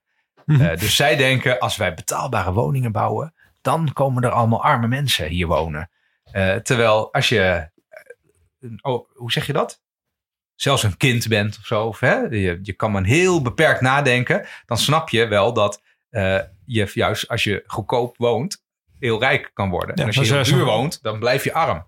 Dus het is precies andersom. Betaalbaar wonen is een vorm van welvaart, zou je Ja. zeggen. Ja, individuele en maatschappelijke welvaart. Ehm, maar zo wordt het niet gezien, inderdaad. En dat is eigenlijk het. ehm, je, je hebt structurele woonarmoede, maar gemeentes zien dat vaak als een ruimtelijk probleem. Als ik, als ik als gemeente mijn betaalbare woningvoorraad kleiner en kleiner maakt, dan zullen die arme mensen vanzelf wel naar een andere gemeente moeten verkassen. Of ze, Ja, Verdwijnen. dan moeten ze wel weg. Ja. Dan verdwijnen ze. en dan is het niet meer ons probleem als gemeente. En dan, eh, dan ben je er vanaf. Want dat is natuurlijk een cynische blik van kijken naar het Ja, het oplossen is van ook problemen. niet waar. Want die mensen die blijven gewoon in Rotterdam wonen. Want vooral Rotterdam doet dit. Foei. Nou, niet alleen Rotterdam, maar het zijn wel, dat is wel een extreem voorbeeld inderdaad. Ja, die slopen betaalbare woningen. Want die zeggen, ja, dan heb je zoveel arme mensen. Maar die mensen blijven gewoon in Rotterdam. Maar die gaan gewoon duurder wonen. Dus die worden nog armer. Ja, of ze gaan met z'n drieën op een eh, veel te kleine eh, oppervlakte zitten. Dat ja, zie je ook nou, heel dan, veel. dan word je ook armer. In mijn Maar de optiek. gemeente, de gemeente Rotterdam zegt ook gewoon van oké, we hebben gewoon veel betaalbare woningen. Als je dat gaat vergelijken met de regiogemeentes. Het wordt dus tijd dat ook die gemeenten in de regio hun fair share gaan opnemen.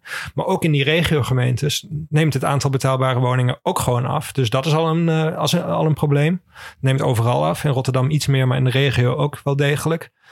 En de stad is van oudsher eigenlijk altijd de plek geweest waar je veel mensen met een laag inkomen kunt vinden. Omdat de stad ook allerlei voordelen biedt. Zeker aan mensen met lage inkomens. Namelijk dus nabijheid van werk, nabijheid van allerlei voorzieningen.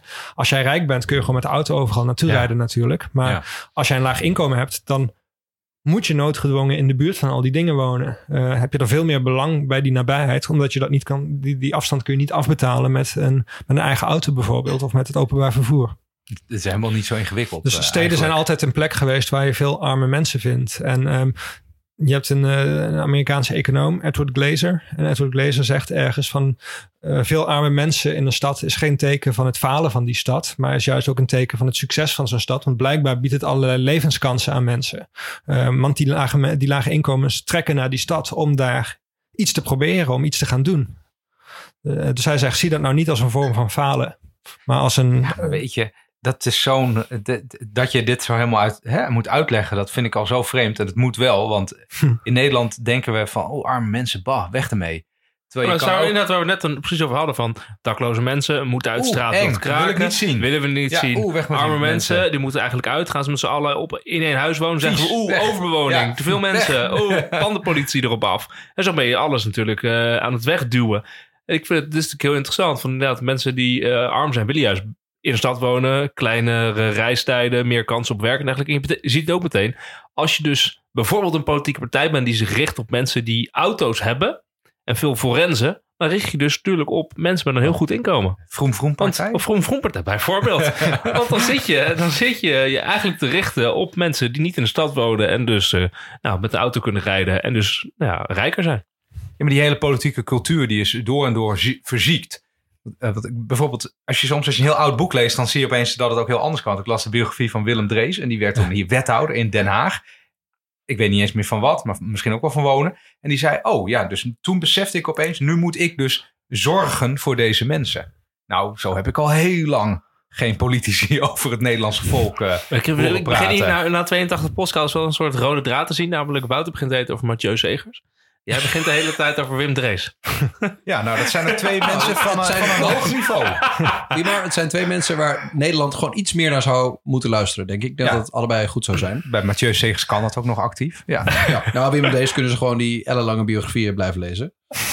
Ehm, hey, ik, ik, mag, ik mag nog een andere vraag eh, stellen. Je, je, je, je, je, je komt net op het punt, daar had- hadden jullie het eigenlijk over, van je schrijft ook in je boek eigenlijk goedkoper wonen leidt ook tot creatievere levens. Mhm. Dus dat mensen minder geld van alles wat ze per maand binnenkrijgen kwijt zijn aan wonen, dan, dan kan je een rijker leven hebben. Dan kan je, durf je risico's te nemen, durf je te ondernemen, durf je ehm, ja, eigenlijk een, een, een mooi leven te leiden.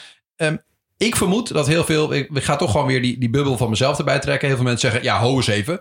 Ehm, goedkoop wonen, dat doe je in Nederland in, eh, in Eemsmond, Delfzijl en Stadsknol.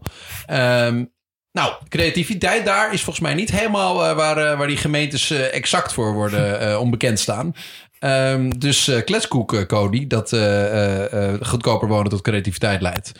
Hoe, hoe zou jij deze waarschijnlijk hoogopgeleide rijke persoon pareren?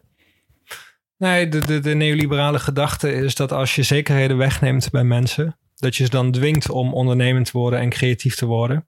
Dat is het, eh, het, het, arme het, mensen, ja. het ondernemersargument van we dwingen gewoon die mensen in een actieve en ondernemende levensstijl. Eh, maar ik baseer me dan onder andere op het werk van eh, econoom Ha-Jung Chang. Hij heeft het boek, ehm, hoe heet het, 23 dingen die ze, die, je, die ze je niet vertellen over het kapitalisme, volgens mij. Is dat de titel? Jazeker. Ja, die noem Dat je. is een, eh, is een leuk boek. En daarin vertelt hij ook, legt hij uit van, nou ja, juist als je die ehm, sociale vangnetten op orde hebt en mensen bepaalde zekerheden biedt, is dat een stabiele basis waar vandaan je kan werken aan creatieve en interessante dingen. En in mijn boek ge- gebruik ik het. In mijn boek gebruik ik het voorbeeld van eh, Berlijn, waar ik een tijdje heb gewoond en waar ik twee huisgenoten had. En eh, de ene huisgenoot wilde een bekende muzikant worden. En de andere huisgenoot wilde een duurzaam ondernemer worden. En zij konden heel veel tijd in hun muziek en in hun, eh, in hun onderneming steken. Juist vanwege het feit dat de huur zo laag was. En omdat de huur zo laag was, konden zij eh, twee of drie avonden per week in een, eh, in een café werken. En daarmee verdienen ze genoeg geld om in hun levensonderhoud te vo- voorzien. En voor de rest konden ze eh, aan de muziek en aan hun onderneming werken. Want die huren in Berlijn, die waren toen de tijd echt heel laag. Dat was eh, 2012, dus dat is niet eens zo heel lang geleden. Ehm, en wij betaalden, ik denk, nou, ja, 200 euro per persoon. En dus woonde je echt in een grote, een grote woning in, om de hoek van Warschauerstrasse eigenlijk. Dus in, ook wel echt om de hoek van een, een, een, goede populair gebied in, Oh ja, in Berlijn hele inmiddels. clubs daar. Eh, ja, precies. Dus het was in, om de hoek van alle clubs. En, eh, ehm, maar ik, ik zie dat ook in Amsterdam bijvoorbeeld. Ik woon sinds 2007 in Amsterdam. En ehm, ik heb wel echt het gevoel dat Amsterdam in die tijd een stuk gepolijster is geworden. En een stuk meer aangehaakt. En dat met het stijgen van de woningprijzen ook een deel van de creativiteit uit de stad is eh, verdwenen. En dus ik ben er heel erg van overtuigd dat die betaalbaarheid, dat die een stabiele basis, een fundament biedt om interessante en creatieve dingen eh, te gaan doen. En dat zal misschien in Delfzijl nog niet eh, gearriveerd zijn. Maar ik zie wel dat, Dat kunstenaars- gaat dan aan, dat wordt dan dus voorsteden, toch? De, zij Nee, je ziet al dat de voorsteden kunstenaars van- ja. commu- communities bijvoorbeeld naar dorpjes in Friesland gaan bijvoorbeeld. eh, Die dan voorheen in Amsterdam woonden. Dat ze nu in Friesland ergens in een klein Ja. dorpje zitten. Ja. En dat is iets wat we ook kennen uit bijvoorbeeld New York. Waar het allemaal nog een stukje erger is dan in Amsterdam. Daar zie je ook dat, die, dat heel New York eigenlijk onbetaalbaar is geworden. Dus dan gaan ze eh, eh, langs de Hudson gaan ze... ehm, in voormalige industriedorpjes of andere slaapstadjes eh ja, hun ding doen. Ja, en op een gegeven moment dan gaan de creatieve mensen die weinig aan wonen eh, uitgaven, gaan ergens wonen. En dan eh, denken de juppen van, oh, hier is wel heel leuk, want hier wordt mooie kunst gemaakt en eh, mooie En muziek daar en interessante betaalbaar. dingen. En dan gaan juppen daar ook wonen. Eh, en dan krijg je eh, eh, eh, koffiebarren met heel veel ingewikkelde soorten koffie. Dat is een heel mooi teken altijd. Havermelk. Ja, en, en dan op een gegeven moment gaan die kunstenaars weer weg, want die kunnen Dit het zijn toch allemaal van die clichés? Is dat echt zo? ja, dat klopt ook. Ik, ik had daar een prachtige podcast over geluid. Dat gaat over in Berlijn hebben ze daar wel, als we even op dit voorbeeld door mogen, hebben, een soort, hebben ze een mietendekken ingevoerd. Een soort, eh, eh, wat is het? Misschien moet je even vertellen dat je een tijdje in Berlijn hebt gezeten, Wouter, voor het verhaal. Nee, toch- nee, ik ben oh, oh, vaak in Berlijn geweest. Oh, Dat- dat ik je in Duitsland had. Maar dat is natuurlijk anders, iets Ik, anders ik dan vind het Berlijn. gewoon een fascinerende stad. En, en er is een briljante podcast, kan ik iedereen aanraden. Die, die heet eh, Radio Speetkauf. Eh, dat gaat over de mietendekken in, eh in het luister soms Duitse podcast. Ehm, is in het Engels trouwens. Ehm, maar dat gaat over de, eigenlijk de, de huur, huurbegrenzing die ze in Berlijn hebben getracht in te voeren. Want daar in Berlijn is de hele eh, eh, politiek is bij de vorige verkiezingen over huren gegaan. Ja. Omdat daar ook, daar was echt een extreem probleem, vooral qua stijgingen van alle huurprijzen. Omdat Berlijn eh, bleken dus de huren heel erg laag te zijn, waardoor het investeringspotentieel ontzettend groot was volgens mij. Daar hebben ze politiek iets aan proberen te doen, maar er zijn zelfs allemaal rechtszaken gekomen van die investeerders om dat tegen te gaan. Ehm, En gigantische protesten ook. Ja, ja, echt. eh, maar wat, wat is jouw eh, ja, gedachte na die, die poging om dat politiek eh, vast te leggen, als het ware? In, op zo'n, op zo'n Ja, het Berlijnse Berlijnse voorbeeld is wel een interessant voorbeeld. Ehm, daar hebben ze echt de huren min of meer bevroren. Echt gezegd van oké, de huren proberen we echt op dit, mom- op dit niveau te begrenzen. Ehm, dat is eigenlijk ehm, onrechtmatig verklaard uiteindelijk. Dus ehm, het was een, wat ik wel heel goed vind aan Berlijn is dat ze het daar echt hebben gepolitiseerd. En dat er echt tienduizenden, zo niet honderdduizenden mensen de straat op gingen om dat af te dwingen. En Berlijn is inderdaad in vergelijking met Amsterdam nog steeds heel goedkoop. Het is minder extreem dan tien jaar geleden. Maar Berlijn is ook heel arm. Dus er zijn gewoon heel veel mensen met heel lage inkomens die een flinke huurverhoging gewoon niet kunnen betalen. En wat ik, eh, wat ik mooi vind aan Berlijn is dat als er dan bijvoorbeeld een huisuitzetting dreigt, dat er dan actiegroepen zijn die gewoon eh, een sit-in gaan doen voor die woning om ervoor te zorgen dat de, eh, de deurwaarder of de politie niet bij de voordeur kan komen. Dus echt gewoon collectieve actie om, eh, te protesteren, om, om, om de wooncrisis te politiseren en om de uitwassen tegen te gaan. Het probleem, denk ik, met het Berlijnse bevriezen van de huren is dat als je alleen maar de huren bevriest, maar tegelijkertijd afhankelijk blijft van private ontwikkelaars, dan kom je uiteindelijk ook in de knel. Want dan heb je dat aan de ene kant. ehm, private ontwikkelaars zullen nou eenmaal, als de huren ehm, ehm, op hetzelfde niveau blijven, zullen de rendementen teruglopen. En lagere rendementen zullen uiteindelijk ertoe leiden dat die beleggers zeggen van nou, ik ga niet meer, ik ga niet meer investeren in Berlijn. Eh, dus ik, en dat heeft dan weer nadelige gevolgen voor het aanbod van nieuwe woningen. Dus ik denk dat je eigenlijk het bevriezen van de huren had moeten combineren met publieke investeringen. Maar dat, dat ben ik wel met je eens. Alleen eh, die mensen van, van IVBN, hè, de, de vastgoed ja. investeerdersclub, die zeggen dat ook altijd. Van, ja. Ja. maar als, als, als deze regels eh, er komen, dan daalt ons rendement en dan gaan we dus minder investeren. Zeker. Toch heb ik echt de afgelopen tien jaar nog nooit gehoord dat er ook maar één gemeente is met een kavel voor een ontwikkelaar die niet verkocht raakt. Alles vliegt eruit. Ook in Amsterdam, waar het zo'n verschrikkelijk communistisch stadsbestuur heeft. Al die kavels, daar wordt om gevochten. Dus is het nou eigenlijk wel waar? Nou, uiteindelijk, als je het ver genoeg doorvoert, zal het wel waar zijn. Maar inderdaad, op dit moment kun je is het in Nederland volgens mij nog prima beleggen in een groot deel van de woningen. Dus Ja, want je hebt het gewoon over, in plaats van een rendement van 80%, haal, nou ja, ik overdrijf een beetje. Maar in plaats van een knetterhoog rendement, haal je een rendement van 10%. Nou, dan kom ik ook nog wel mijn bed uit. eh. Ja, economisch gezien is het heel simpel. Zolang je Ja. positief rendement hebt, moet je de investering doen. Dus dat, en Ja. dat gaat ook gebeuren. Als je Dat gebeurt 10% ook. op kan halen, prima. Maar uiteindelijk natuurlijk. zul je zien dat. eh, kijk, ik zie liever dat een deel van die. Want je hebt een x aantal kavels wat je kan uitgeven. Dan zou ik liever zien dat die kavels naar woningcorporaties gaan. die daar zonder Ja, winstoogmerk dezelfde woningen bouwen tegen een lager bedrag. En volgens mij kan dat ook gewoon. Maar dan moet je ze wel de ruimte geven, financieel en institutioneel. Maar je zegt het ook niet dat in de nieuwe woningwet dat het eigenlijk ook tegengehouden wordt, toch? In de, ja, dat wordt nu weer verruimd. In de woningwet van 2015 staat eigenlijk... ehm woningcorporaties moeten terug hun hok in. Dus Mhm. naast dat die verhuurderheffing gewoon een flinke financiële lastenverzwaring was... ehm, had de woningwet ook als gevolg dat ze eigenlijk zeiden... voor alles wat niet de sociale kerntaak is van woningcorporaties... krijgen marktpartijen voorrang. En moeten woningcorporaties eigenlijk op de achterbank plaatsnemen. Mhm. Wat je nu ziet, is dat woningcorporaties toch weer meer ruimte krijgen van de overheid. Dus dat woningcorporaties ook meer mogen doen om nou, middenhuurwoningen te bouwen, bijvoorbeeld. Ja. Nou kun je weer die discussie hebben van moet je middenhuurwoningen bouwen. Maar ze krijgen in ieder geval weer meer ruimte. Ze krijgen ook weer meer mogelijkheid om bijvoorbeeld te investeren in de leefbaarheid in Ja. buurten. Dus woningcorporaties mochten van de woningwet maar een, eh, maar een x-bedrag per woning eh, in de leefbaarheid per jaar steken. Nou, dat is nu ook weer verruimd. Want woningcorporaties hebben van oudsher ook niet alleen als taak om woningen aan te bieden, maar ook om bij te dragen aan aangename en prettige leefomgevingen, wijken waar het eh, prettig toeven is. Hey, zullen we even een paar eh, luisteraarsvragen erin gooien? Kom maar op. Eh Rowan Polane, die zegt... eh, die vraagt eigenlijk wat jij van de nieuwe minister van, eh, van Wonen vindt. En die zegt zelf dat er tergend weinig is gebeurd op dit dossier. Ben je het daarmee eens? Ja, de, de afgelopen, nou ja, eh, ligt aan welke tijdspannen je hebt over of het tergend weinig is gebeurd. Ik denk dat de afgelopen 35 jaar er gigantisch veel is gebeurd. Nee, maar ja, niet per volgens se mij heeft hij het over, gewoon over Hugo de Jonge. Hugo de Jonge. Ja, of je dat nou een verbetering eh, vindt. Nou, de Keizer Longren, zijn, eh, zijn voorganger, ehm, die deed eigenlijk niet heel veel meer dan passen op de zaak. Dus die, die was niet heel actief. En ik denk dat Hugo de Jonge, hoe lang is hij nu bezig? Een maand of eh, twee, drie? Drie maanden ongeveer. Drie maanden, ja. Voelt al Eh, heel lang. Weet je. Ja, dat is omdat hij heel aanwezig is. Ik denk wel dat hij de juiste dingen zegt tot nog toe. En dat, eh, dat vind ik op zich wel bemoedigend. Dat er in ieder geval iemand weer is die, eh, die, die zegt van ja, wonen is een recht en het is een publieke taak. Ehm, alleen het blijft het nog toe heel erg bij woorden. En ik ben benieuwd of zich dat ook gaat vertalen tot concrete acties. En als ik naar het regeerakkoord kijk van Rutte 4, dan zie ik aan de ene kant sommige dingen die positief zijn. Het verdwijnen van de veehuurderheffing bijvoorbeeld. En het verdwijnen van de jubelton.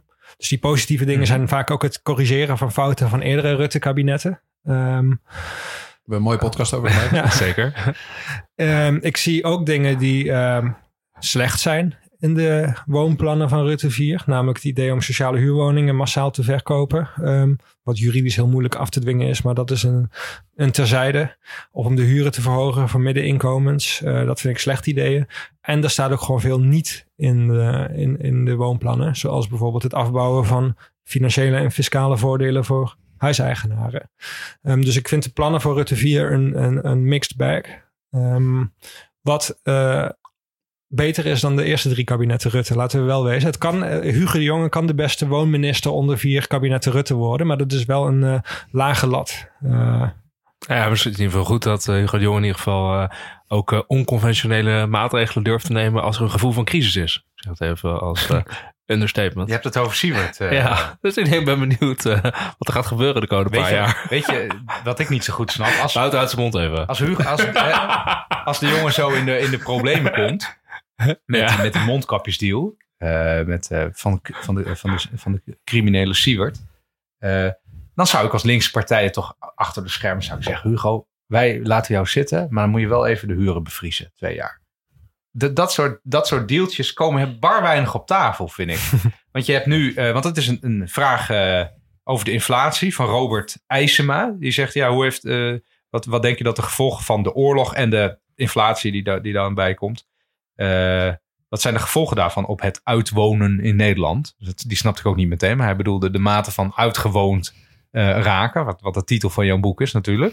Het is, natuurlijk, het is natuurlijk heel krom dat als de eh, energielasten stijgen, dat je dan ook meer huur gaat betalen. Dat is, eh, Het slaat niet Ja, het slaat ergens op. op. nee, dat zou juist eerder omgekeerd moeten zijn. Dus ehm, je zou hopen dat die huren niet eh, met de inflatie mee groeien. Nou, ik, ik, eh, Dan kunnen ze volgend jaar 11% eh ik stijgen. huur zelf een woning van eh, nou ja, inmiddels bijna 1100 euro per, per maand. Nou, als mijn huur met 11% stijgt, komt daar 110 euro bovenop. Eh bereken ik even snel. Nou, dat is een gigantische... En mijn energielasten in mijn energielabel F-woning zijn ook niet, eh, niet gedaald het afgelopen jaar. Eh, en kijk, ik kan het nog wel trekken. Maar eh, ik denk dat de politiek zich ook moet realiseren dat er, zeker in de sociale huursector, waar dus al een kwart van alle huurders moeite heeft om rond te komen, een stijging van de huren van 10 euro of 15 euro. Dat is een, echt een crisismoment voor heel veel mensen. En dat betekent echt dat je ehm, andere dingen moet gaan laten. En dat eh, als ik de brief van de huurverhoging binnenkrijg van, van mijn woningcorporatie.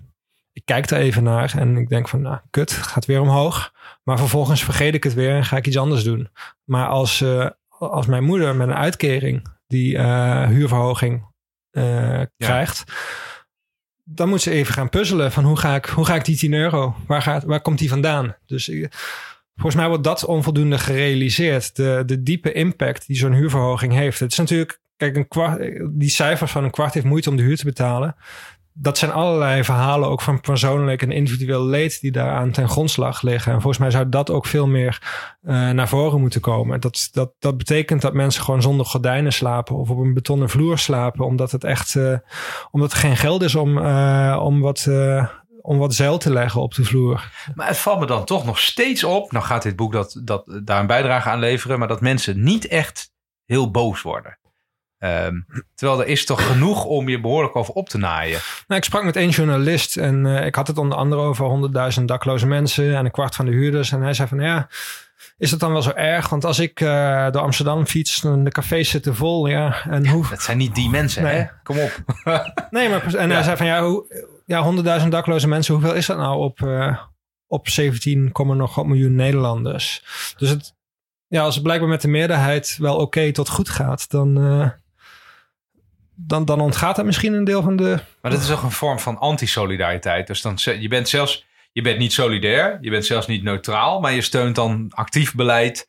Wat, wat goed is voor jou als dominante groep, maar slecht is voor een kleine minderheid die, die dan in het ergste geval letterlijk op straat. Ah, kleine minderheid. Uiteindelijk is 100.000 dak- en thuisloze mensen is twee keer de arena vol. Ja, ik vind dat niet dus weinig. Een, nee. Ik vind dit wel echt een hele stupide journalist, moet ik zeggen.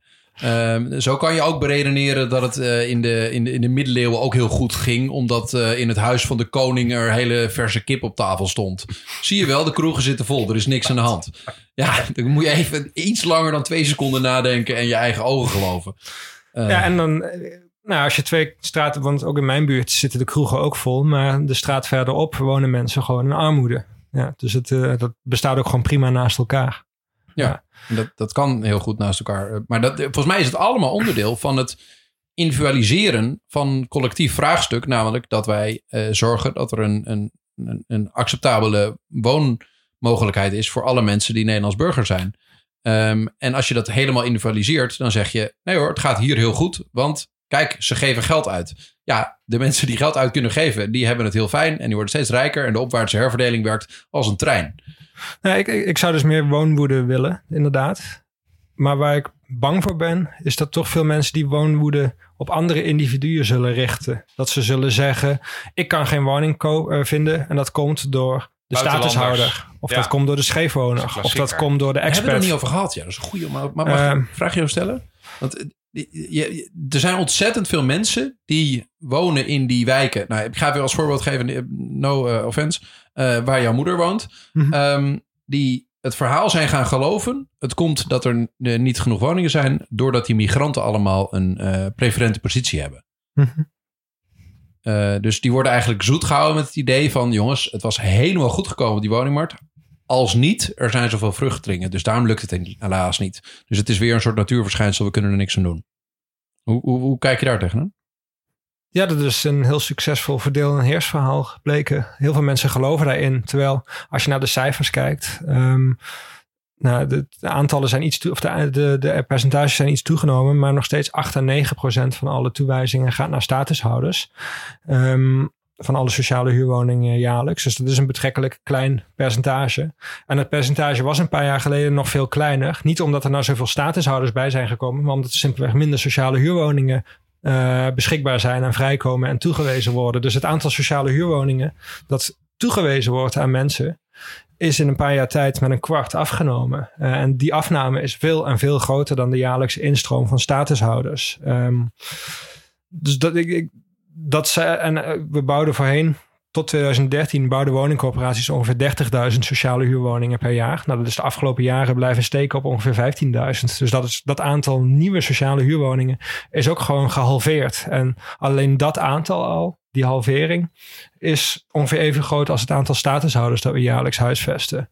Maar het is blijkbaar heel effectief en heel makkelijk om te zeggen van kijk, die migrant of die scheefwoner, dat is de schuldige.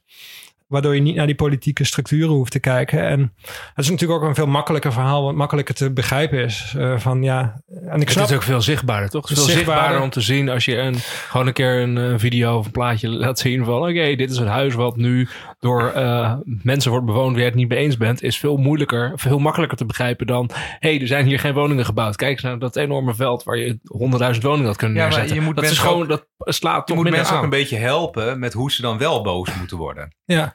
Ja, dus wat ik, zou jij, wat zou, wat, hoe kan je nou het beste uiting geven aan je woonwoede?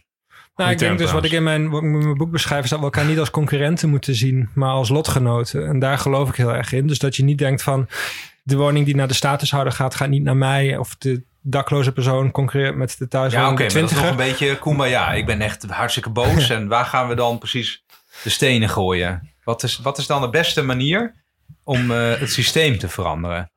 Nou ik geloof wel in het uh, politiseren van de wooncrisis. Dus jouw woonwoede moet je omzetten in politieke actie. En dat kun je op verschillende manieren vormgeven. Dat kan zijn door um, demonstraties te organiseren of bij te wonen. Dus ga inderdaad op het Malieveld staan of waar dan ook, waar er ook een wooncrisis is. Maar dat kan ook zijn door jouw persoonlijke verhaal op de een of andere manier op te schrijven en uh, dat te koppelen aan een bredere politiek. Dat kan ook zijn om, uh, om daarop blijven te hameren op wat verschillende. Dus ik denk dat het het politiseren van jouw individuele uh, verhaal, van jouw individuele wooncrisis die jij ervaart, dat dat op heel veel verschillende manieren kan, maar dat het wel een cruciaal begin is. Want ik geloof niet dat de politiek van bovenaf gewoon uh, die wooncrisis uit een soort van technocratisch oogpunt gaat oplossen. Ik denk echt dat dat van onderop afgedwongen moet worden. Ja, moet echt op de agenda worden gezet. Je ziet nu wel gelukkig een beetje, gelukkig, dat het begint steeds mensen te raken. Dat is natuurlijk wat je nu ook ziet. Dus dat is een beetje wrang natuurlijk. Heel maar... wrang. Dus omdat het nu de, de middenklasse en de,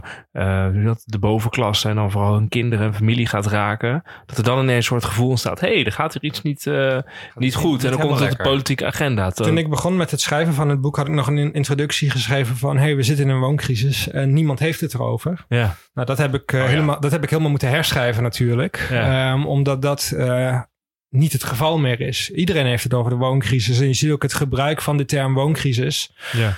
Um, is de afgelopen jaren exponentieel toegenomen. Zowel in krantenstukken als in, uh, in, in, in, de Tweede Kamer bijvoorbeeld. Dus we hebben het veel vaker hierover. Um, en dat heeft er helemaal mee te maken wat wie maar zegt. Namelijk, um, het is inmiddels ook de middenklasse die geraakt wordt. En dat zijn de mensen, dat zijn de journalisten zelf. Of de mensen die in de gemeenteraad zitten. Uh, ja. Mensen die korte lijntjes hebben naar... Uh, Macht. Naar, de, naar de macht, op welk, of het politieke of economische of culturele macht is. Uh, het, en dat is natuurlijk wrang, dat dit blijkbaar nodig is om het op de agenda te krijgen.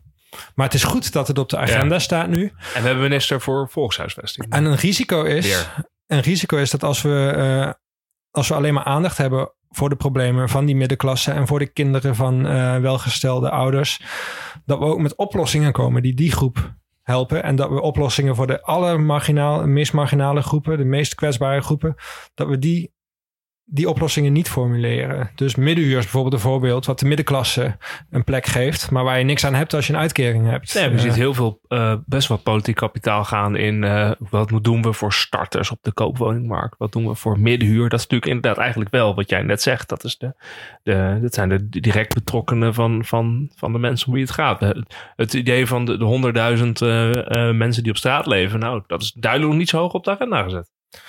Dat is ook, nee, ik, nee. ik, ik citeer ook politicologisch onderzoek van een uh, collega aan de UvA, van Wouter Schakel. En hij heeft onderzoek gedaan naar in hoeverre uh, bepaalde uh, problemen of issues die leven onder verschillende segmenten van de bevolking overgenomen worden door de politiek. En dan zie je dat de politiek eigenlijk, dat, kort gezegd, veel beter luistert naar de problemen van mensen met een hoger inkomen dan naar uh, de problemen van mensen met een lage inkomen. Eigenlijk de problemen van de mensen met een lage inkomen, daar wordt alleen maar naar geluisterd wanneer dat overeenkomt met, die van, met, met de problemen van de mensen met een hoger inkomen. Um, en dat is, nu zie je dus inderdaad dat er allerlei maatregelen bedacht worden van hoe kunnen we die middenklasse helpen op de woningmarkt? Hoe kunnen ja. we starters toch een woning laten kopen? Nou, op zijn best zijn dat uh, maatregelen die een paar starters helpen. Maar vaak zijn het maatregelen die totaal contraproductief zijn. En die alleen maar de prijzen verder zullen opdrijven. Meer lenen, dat soort Meer grappen. lenen. Dat is altijd. Uh, de, de, de politiek is heel goed in uh, olie op het vuur gooien. Dat, ja. is, dat, dat vind ik dus echt fascinerend. Want die kennis die hebben we al zo lang.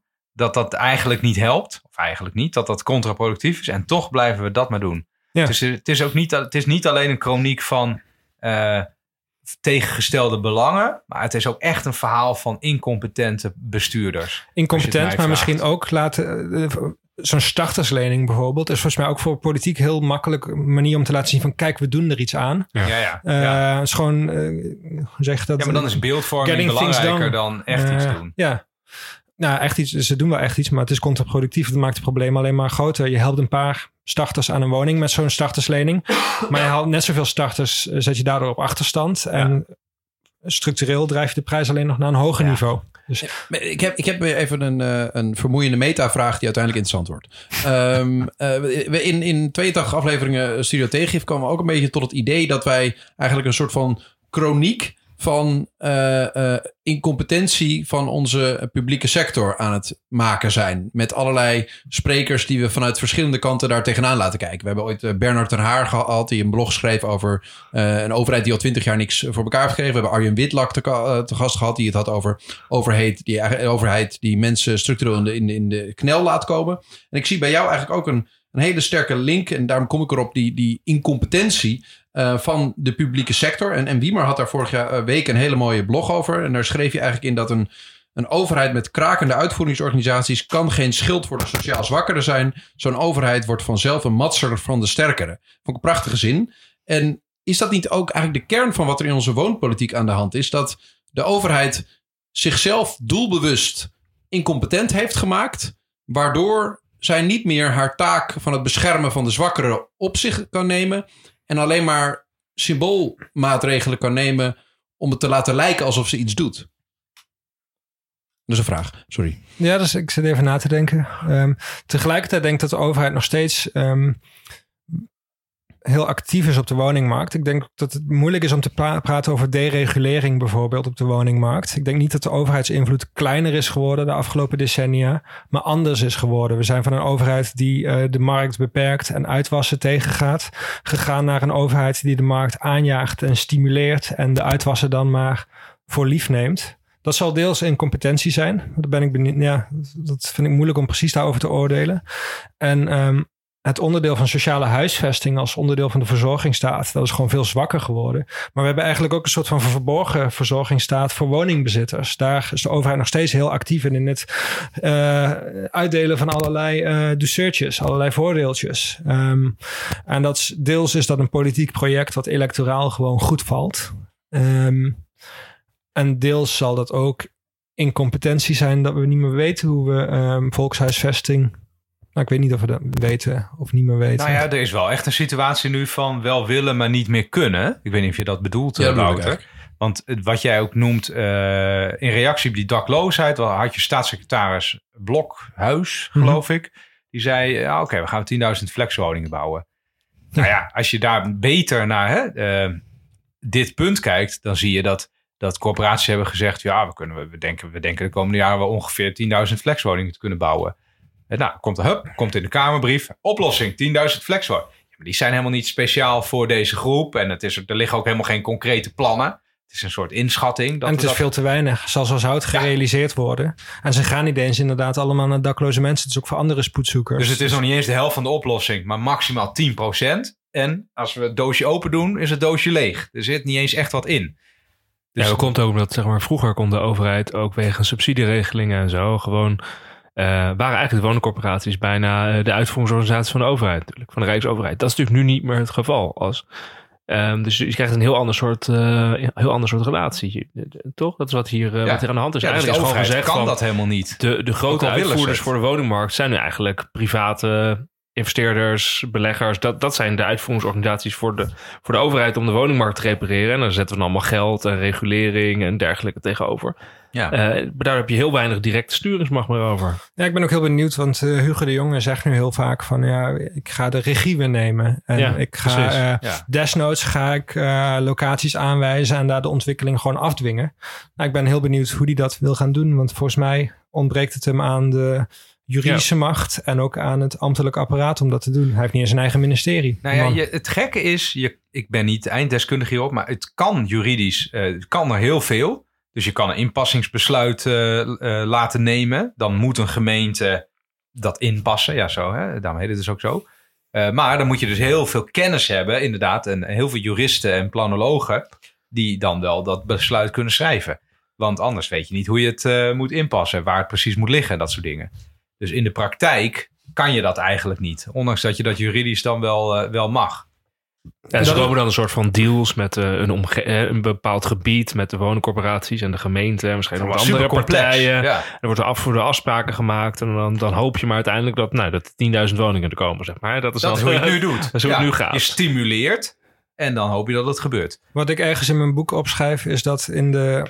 Voorheen was het zo dat ehm, inderdaad woningcorporaties eh, direct gesubsidieerd waren en eigenlijk uitvoerden wat de politiek, wat de overheid wilde. Ja.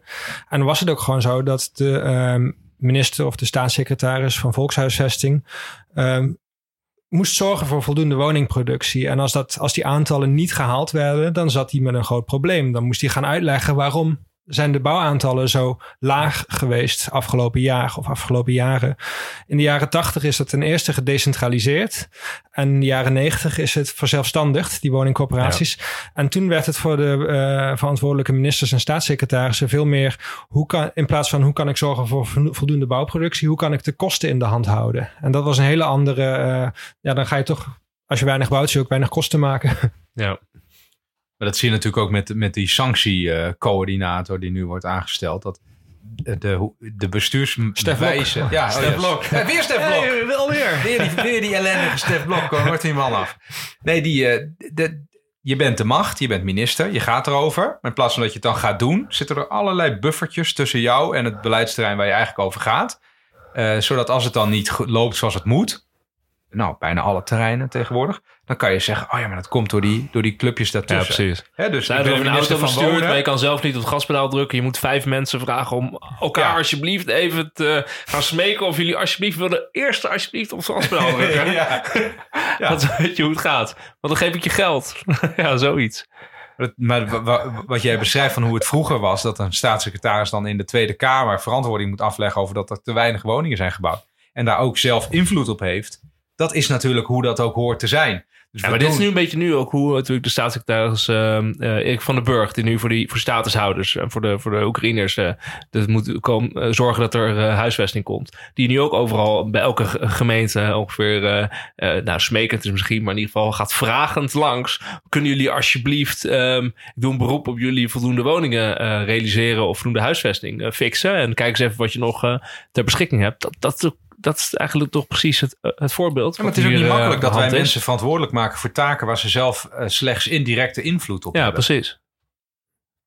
Ja, die ook het, eh, de Oekraïne-oorlog laat wel zien dat opeens allerlei dingen mogelijk zijn die eh, Ja, voor crisisgevoel kort, is, kan er van alles. ja, tot voor kort leek dat allemaal onmogelijk. Dus eh, Ja, maar dat is toch ook ehm, allemaal wel, hoe zeg je dat? Dat is niet schaalbaar. Want eh, wat er nu dan wordt, gebeur- ge- wordt gedaan is, er worden allerlei gebouwen eh, gevonden. Maar het zijn gebouwen die er al staan. Hè? Eh, dus dat is niet iets wat je, wat je tien keer groter kan maken. Want dan zijn die gebouwen natuurlijk op. Ehm, dus het is wel, ja... ehm, het gebrek aan instrumenten blijft ook hier wel gelden, denk ik. hey, zullen andere luisteraarsvragen Ja, nog doen? We hebben de meeste wel eh, gehad. Eh, er zit ook zo dubbeling in. Kunnen we de rol van particulieren op winstmaximalisatie gerichte beleggers op de woningmarkt inperken en terugdringen? Het kabinet probeert dat natuurlijk een beetje. Ja, met die hogere overdrachtsbelasting. Is dat, is dat voldoende of eh, wat moet er nog meer gebeuren? Je hebt die hogere overdrachtsbelasting inderdaad. Die is van 2% naar 8% gegaan voor, eh, voor beleggers. Dus mensen die een woning kopen om er zelf niet te gaan wonen. Ehm, nou, dat is al in ieder geval de beleggers die op korte termijn georiënteerd zijn wel afschrikken. Maar als jij een lange termijn belegger bent die denkt van ik ga een woning kopen om daar de komende 10, 20 jaar rendement op te behalen, dan word je niet heel erg beperkt. Door die- Dat kun je wel verrekenen in de huur. Maar als jij denkt van ik ga een woning voor één of twee jaar kopen en dan ga ik hem, eh, ik, ik verhuur hem in die periode en dan flip ik hem. Ja. Die worden wel afgeschrokken door die... Het door levert wel die- veel geld op. Hoeveel geld levert het op? Dat, eh, Kijken we naar wie, Mark? Ik heb geen idee. flauw Nee. idee. Wel meer dan een half miljard, denk ik. Wel, dat is wel serieus geld, hoor. Voor zo... eh Hm. Kan niet... En, en je hebt de zelfwoonplicht natuurlijk. Dus ook gemeentes kunnen ook nu gewoon zeggen van we gaan het verbieden om eh, beleggers eh, woningen op te kopen in bepaalde buurten of in bepaalde segmenten van de woningmarkt. Dus dat zal ook een eh, invloed hebben. Ik denk dat een fundamentelere aanpak zou zijn, is om de huurprijzen ehm, verder te reguleren. Dus je hebt een puntensysteem. En het Ja. puntensysteem bepaalt in het sociale segment wat de maximale huurprijs is aan de hand van de kwaliteit en de omvang en de kenmerken van de woning.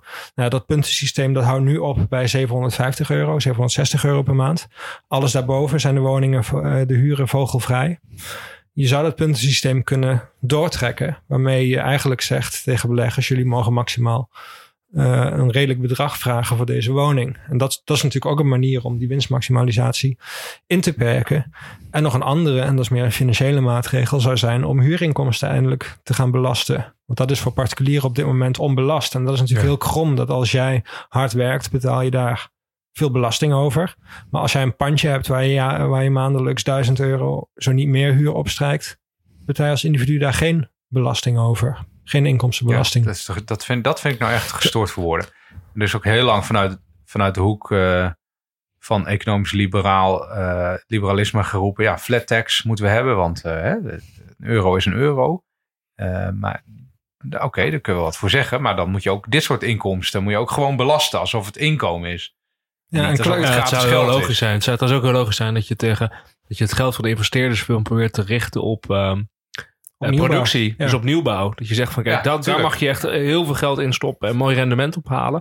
Maar dat je, invest- dat je eigenlijk bestaande panden overkoopt en daar dan vervolgens eh, rendement op gaat proberen te halen op langere termijn. Dat is, dat is gewoon Is uh, vestzak, een broekzak. indirecte eh, de- subsidie op rentenieren?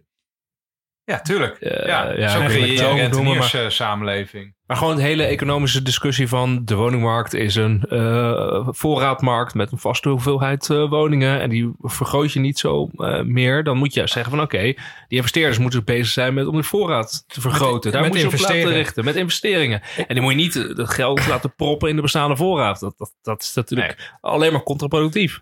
Ik, ik maak altijd een semantisch onderscheid eh, in mijn woordgebruik tussen beleggen en investeren. En beleggen is wat mij Ja. betreft dat je je geld steekt in wat er al staat. En dus eigenlijk niks bijdraagt aan de oplossing. En investeren is dat je iets toevoegt. En het liefst ook iets toevoegt waar de maatschappij Ja. beter van wordt. En dat is volgens mij een nuttig onderscheid om te maken. Dat eh, tussen investeren, wat in principe goed is, en beleggen, wat iets onttrekken is.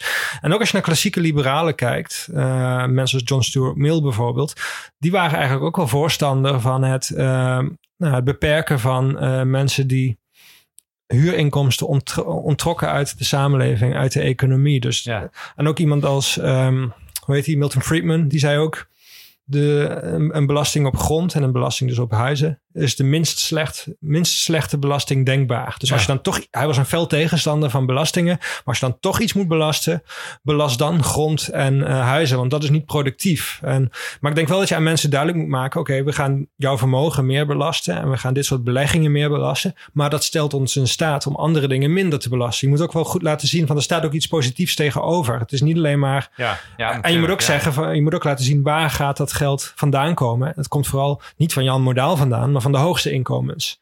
Nou, ik denk als je met een groot amendement op het belastingplan komt volgend jaar en je zegt, nou, we gaan de inkomensbelasting voor iedereen een procent verlagen en we voeren dan een huurinkomstenbelasting eh, in om dat te bekostigen, dat je dan een goed verhaal hebt in de, eh Maar in de wordt, Telegraaf. dan wordt wat mij betreft veel te weinig gezegd dat die trade-off.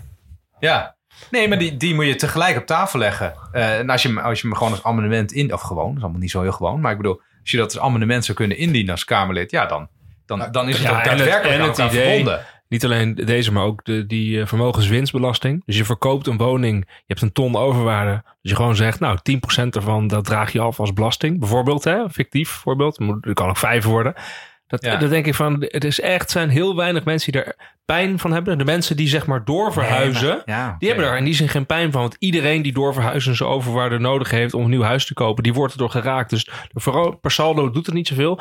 Voor wie doet het pijn? Voor mensen die gewoon alleen een huis kopen om vervolgens weer ter verkopen om beleggingswinst op te Ja, maar maken. deze weet ik nog zo En net dit- niet hoor. Want ja, dan, ik, vind het, eh, ik vind dat toch wel. Ik, ik denk van ja, dit is best wel. Die zijn makkelijk uitvoerbaar. Het zit allemaal bij de notaris. Het wordt allemaal geregistreerd. Ja, jouw overdrachtsbelasting, ja. je overdrachtsbelasting wordt ook gewoon eh 2% Nee, maar weet, je wat je volgens mij moet hebben? Je moet maatregelen hebben waarvan eigenlijk 99% zegt... ja, dit is toch echt wel heel zinnig. Ja, maar zo'n vermogensbelasting zie je meteen als we het dan toch over de telegraaf hebben, dat het dan een jaloeziebelasting is. Terwijl dat eh, ja, ja, jaloezie ten opzichte van de speculant met tien woningen misschien. Ja. Nou, ik heb de afgelopen, het afgelopen jaar hebben wij een move gemaakt... die woningmarkt technisch heel atypisch is. We hebben ons huis verkocht.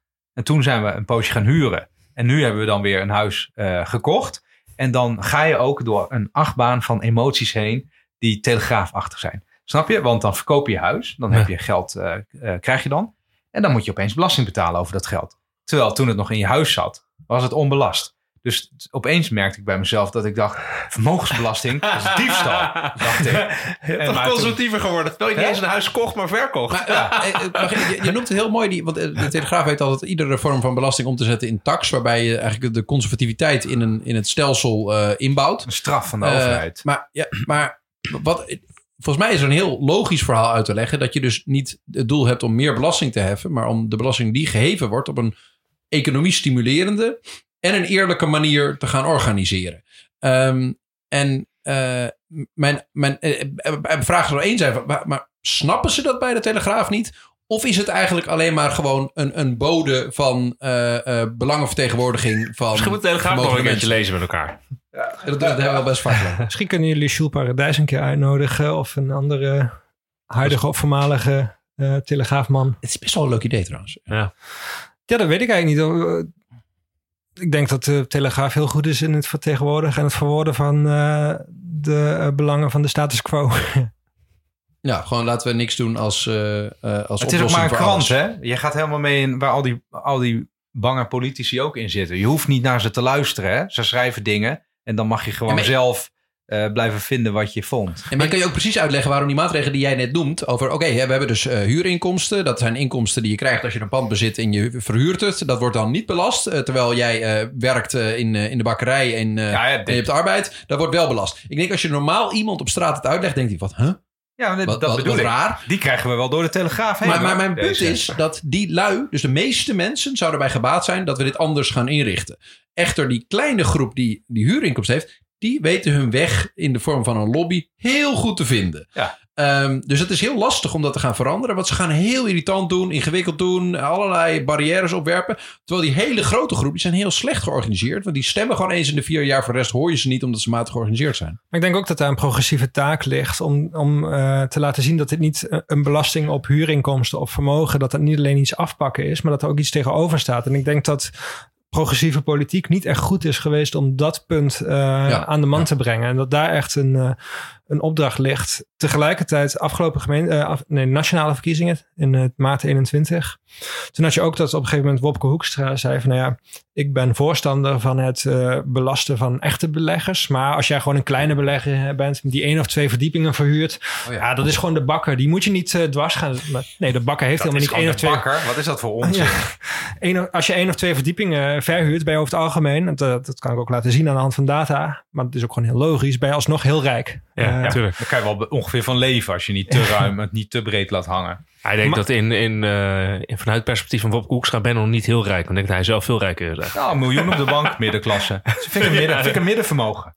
Ja. Ik, had, ik had wel even nagedacht, je hebt dat tijdelijke huurcontract. Hè? Dat, was heel, dat werd ingevoerd, er was echt bijna geen weerstand tegen. Heel apart. Mhm. Terwijl dat natuurlijk desastreus is voor het woongenot van eh, eh, huurders.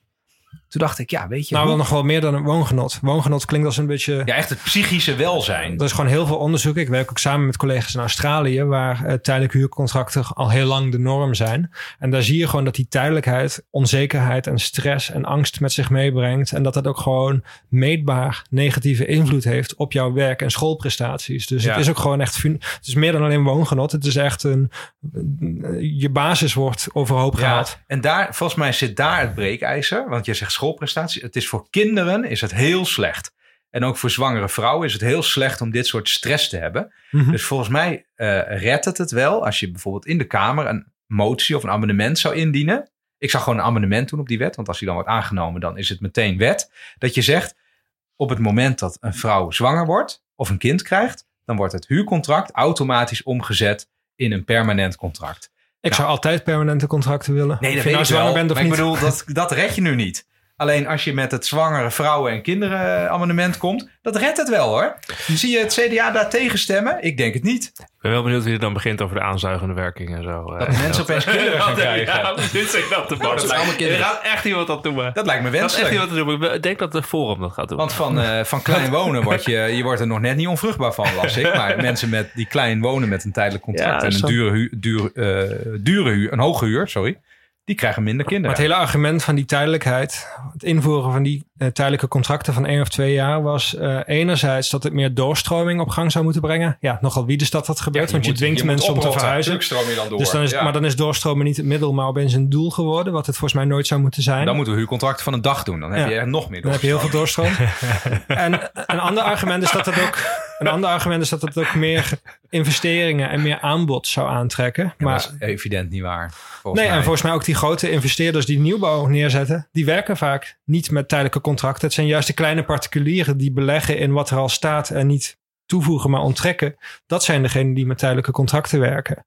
Ehm, Ja. Ook, maar ook al is er bakken aan bewijs uit het buitenland waar ze veel meer ervaring hebben met die tijdelijke woonvormen en de, eigenlijk de, de negatieve impact. Toch is dat hier dan doorgevoerd. Omdat, volgens mij simpelweg omdat dat de belangen behartigt van eh, de bezittende klasse. Ja, maar dat denk ik ook wel. Er is, geen, er is geen boekenkast of bibliotheek aan feiten en onderzoeken waar je mee kan komen. eh, dat, dat sommige partijen en organisaties eh, hier anders over gaan denken. Ik denk, eh, in het begin stipten we dat ook aan van, is het heel erg mislukt of is het heel erg gelukt, de woningmarkthervorming? Volgens mij kan je best wel zeggen, het is heel erg gelukt vanuit een bepaald perspectief. Heel veel dingen die zijn opgeschreven zijn ook uitgevoerd. Dus Ja. mission accomplished. En ook ongeveer zoals bedacht. Eh, en daar zit, daar zit een soort beeld achter dat mensen met weinig geld, die, ho- die hoeven niet mooi te wonen. Want eh, nou, Nee, dat zijn ze gewoon niet een- waard. Een woning is gewoon een consumptiegoed. Dus afhankelijk van hoeveel inkomen je hebt. Dat ja, is, rijke mensen mogen mooi Ja. wonen, arme mensen niet. Precies. Ja. Nou, dat is, eh, dat is gelukt. En het maar rare is heb- de rol van de Partij van de Arbeid hierin. Want dat komt in het boek ook naar voren. Mhm. Want vaak staan ze aan de goede kant van deze discussie. En vaak staan ze ook aan de foute kant van deze discussie. Het is een Zeker, heel onbetrouwbare partij op het vlak van eh, volkshuisvesting. Want aan de ene kant zijn ze op beslissende momenten dat de volkshuisvesting gesloopt wordt, zetten hun vingerafdrukken erop. En aan de andere kant, op het moment dat eh, eh, het weer gerepareerd moet worden, dan staan ze ook vooraan om te zeggen: dit moet gerepareerd worden. Dat en is, dat is allebei oprecht. het is heel exemplarisch voor de ehm, progressieve politiek over wonen in verschillende landen van de afgelopen decennia. Een interessant onderzoek van een Duitse collega, Sebastian Kool. En hij heeft gekeken ehm, hoe kijken politieke partijen in allerlei verschillende landen, waaronder Nederland, naar wonen in hun partijprogramma's bijvoorbeeld. En dan zie je eigenlijk dat de afgelopen decennia de rechtse politiek constant gewoon hetzelfde verhaal je vertelt. Je moet gewoon je woning kopen en dan verzeker je je van je eigen Dan je welvaart. goed mens. En eh, linkse politiek en vooral de sociaal-democratische politiek in allerlei verschillende landen, waaronder Nederland, is veel zwalkender geweest. En de ene, ene keer vertellen ze ook dat pro-woningbezit verhaal van met, met woningbezit kan ook onze arbeidersklasse, onze achterban eh, zichzelf verheffen. Ook Joop den L ver- verkondigde ook dat verhaal op bepaalde Ja, ja, Ja, momenten. iedereen een auto, auto. en iedereen een huis. ja. Ja. Ehm, maar op andere momenten zijn ze meer van de volkshuisvestelijke slag. En wat ik zou hopen van zeker de PvdA. PvdA is natuurlijk wel ergens een bondgenoot. eh, als jij voorstander bent van de volkshuisvesting. Maar niet inderdaad een heel betrouwbare bondgenoot. Ik hoop altijd van de PvdA een soort van mea culpa. Van we hebben dit fout gedaan. Van ja, we zijn wel de partij van Schaefer en van Wieboud. En van al, al die andere volkshuisvestelijke uh, helden misschien. Maar wij zijn ook de partij van uh, ja, Jacques Monash. En we zijn ook de partij die het Niet wel... meer, hè? Nee, ja. Uh, ja, wel geweest. Uh, Uh, we hebben ook wel een, uh, inderdaad een flinke rol gespeeld in de afbraak van de volkshuisvesting. Ik zou soms op een mea culpa hopen van de PV PvdA, maar dat, dat komt er nooit echt expliciet. Ik weet, het past niet binnen de politieke logica om uh, fouten te erkennen op een of andere manier. Het zijn ah. ook altijd weer andere mensen, hè? Mensen vinden hun voorganger natuurlijk ook altijd uh, ja. waardeloos slecht.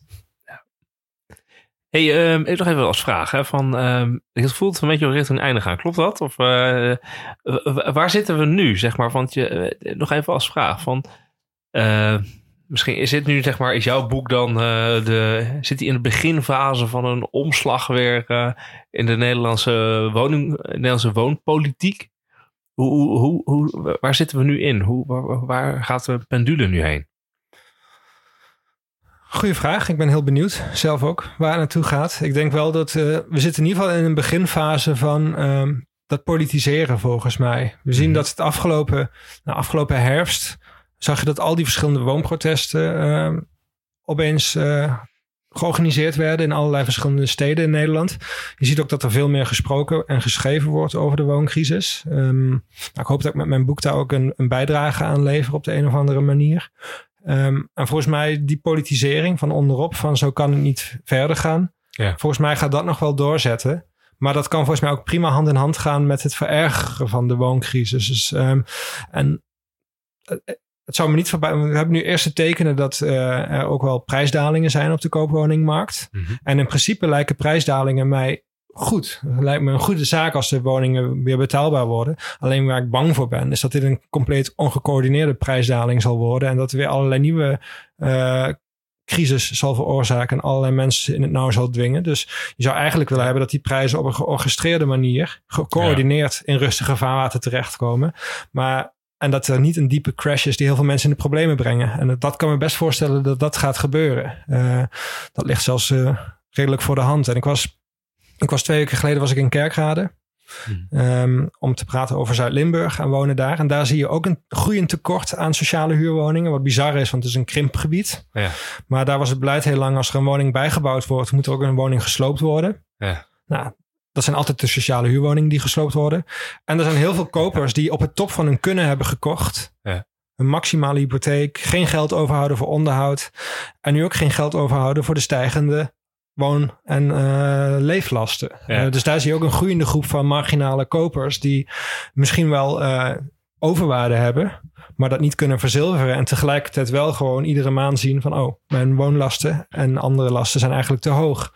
Um, er zie je dat dus ook weer een hele markt voorkomen hè, van banken die nu in de aanbieding gaan doen dat je je overwaarde op een of andere manier eruit kan uh, trekken terwijl je nog in je ja. huis woont. Ja, dat zou ik vooral ja, niet doen. Echt, dat kan niet misgaan. Nee, dat kan dat niet zou, misgaan. Ja. Maar die markt zie je nu echt overal. Uh, ja, maar dat, dat hoe je, wat jij nu beschrijft van hoe dat in kerkraden is gebeurd en wat overal gebeurt.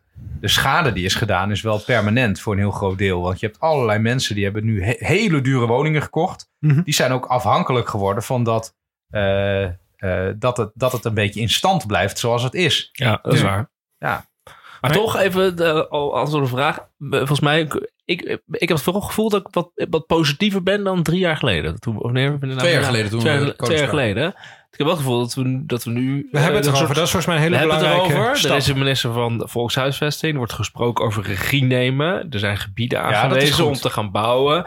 Uh, er zijn de, de, dus de, de, de woningwet is aangepast per januari dit jaar. Of ja. verbeterd. Dus de, de, er is wel een verandering ja. aan de gang volgens mij. Uh, Zeker. Dus je, je, hebt natuurlijk weer een, een echte crisis nodig om te zorgen dat het nog een keer versnelt. Uh, maar de, ja, de eerste maar tekeningen ik, ik, zijn wil, Maar ik wil wel benadrukken dat die verandering volgens mij alleen maar is gekomen vanwege het feit dat we het gepolitiseerd hebben. Ja. Dus niet vanwege het feit dat uh, Rutte tot een fundamenteel ander inzicht is gekomen. Of dat de politiek tot nee. een fundamenteel ander inzicht is gekomen. Dat is echt vanwege het feit dat mensen de straat op zijn gegaan. Dat woningcorporaties hebben gezegd, nee, dit kan zo niet verder. Dat ja. ontwikkelende partijen het ook. Dus eigenlijk dat best wel breed maatschappelijke onvrede over is. En dat is volgens mij echt cruciaal geweest in het, uh, bijvoorbeeld in het afschaffen van de verhuurderheffing en andere, eh, andere maatregelen, die zijn volgens mij niet vanuit de wijsheid van de zittende politiek gekomen. Ehm, en dat biedt mij hoop dat dat inderdaad ook wel eh, kansen geeft om weer verder te gaan eh, en verder op te bouwen voor eh, progressieve en fundamentele verandering. Eén ding wat ik nog hoop is dat als we het toch hebben over, ehm, over die verandering, is dat ik ook ik, hoop dat we ook meer naar de geleefde ervaring van die wooncrisis gaan kijken. Het gaat nu nog heel snel. Ik heb die neiging zelf ook, dus ik ben er zelf ook schuldig aan. Om het te hebben over ehm, getallen en cijfers. En, maar dat we ook maar iets, echt de, de persoonlijke impact van die crisis op het mensenleven. Dus dat we, dat, dat we daar meer oog voor hebben. Dat is namelijk nog, het gaat al heel snel toch over de huizenprijzen. En hoeveel zijn die dit kwartaal gestegen of gedaald. Um, Jij was ook, je hebt toch die documentaire uh, gemaakt? Je was bezig met de documentaire over toch uh, uh, gevolgen van, uh, van de crisis op gewone mensenlevens. Ik heb er, of ik heb je ergens voorbij zien Ik heb, ik heb meegedaan aan dat half Holland dakloos. Ja, half Holland dakloos. Ja, dat, dat, dat gaat er onder andere over. Ja. En ik, ben, ik ben heel blij bijvoorbeeld met die twee bossers. De mensen die in de tweebosbuurt in Rotterdam wonen. Omdat ja. die hebben hun, hun buurt is gesloopt. Ja. Um, omdat daar nieuwe dure woningen voor terug moeten komen. En die mensen hebben dat heel erg op de agenda weten te zetten. In Rotterdam, maar ook landelijk. En heel ja. erg benadrukt van hier wordt onze een sociaal weefsel Ja. stuk gemaakt. En hier wordt eh, eh, een van die bewoners zegt steeds: er wordt een stukje uit mijn hart gesneden. En dan zie je ook dat het gewoon stoere havenarbeider met Feyenoord outfit aan, dat hij dan dat, dat hij gewoon gebroken zit te kijken hoe zijn woning wordt gesloopt door de sloopkogels. Dus dat, dat lijkt heel erg inzichtelijk, die geleefde ervaring. En ik hoop dat we daar nog veel meer van gaan zien. Van wat doet dit met mensenlevens? Ook dakloosheid bijvoorbeeld. Het is natuurlijk makkelijk om te zeggen, die dak- dakloosheid is verdubbeld. En iedereen zal zeggen van echt- schande.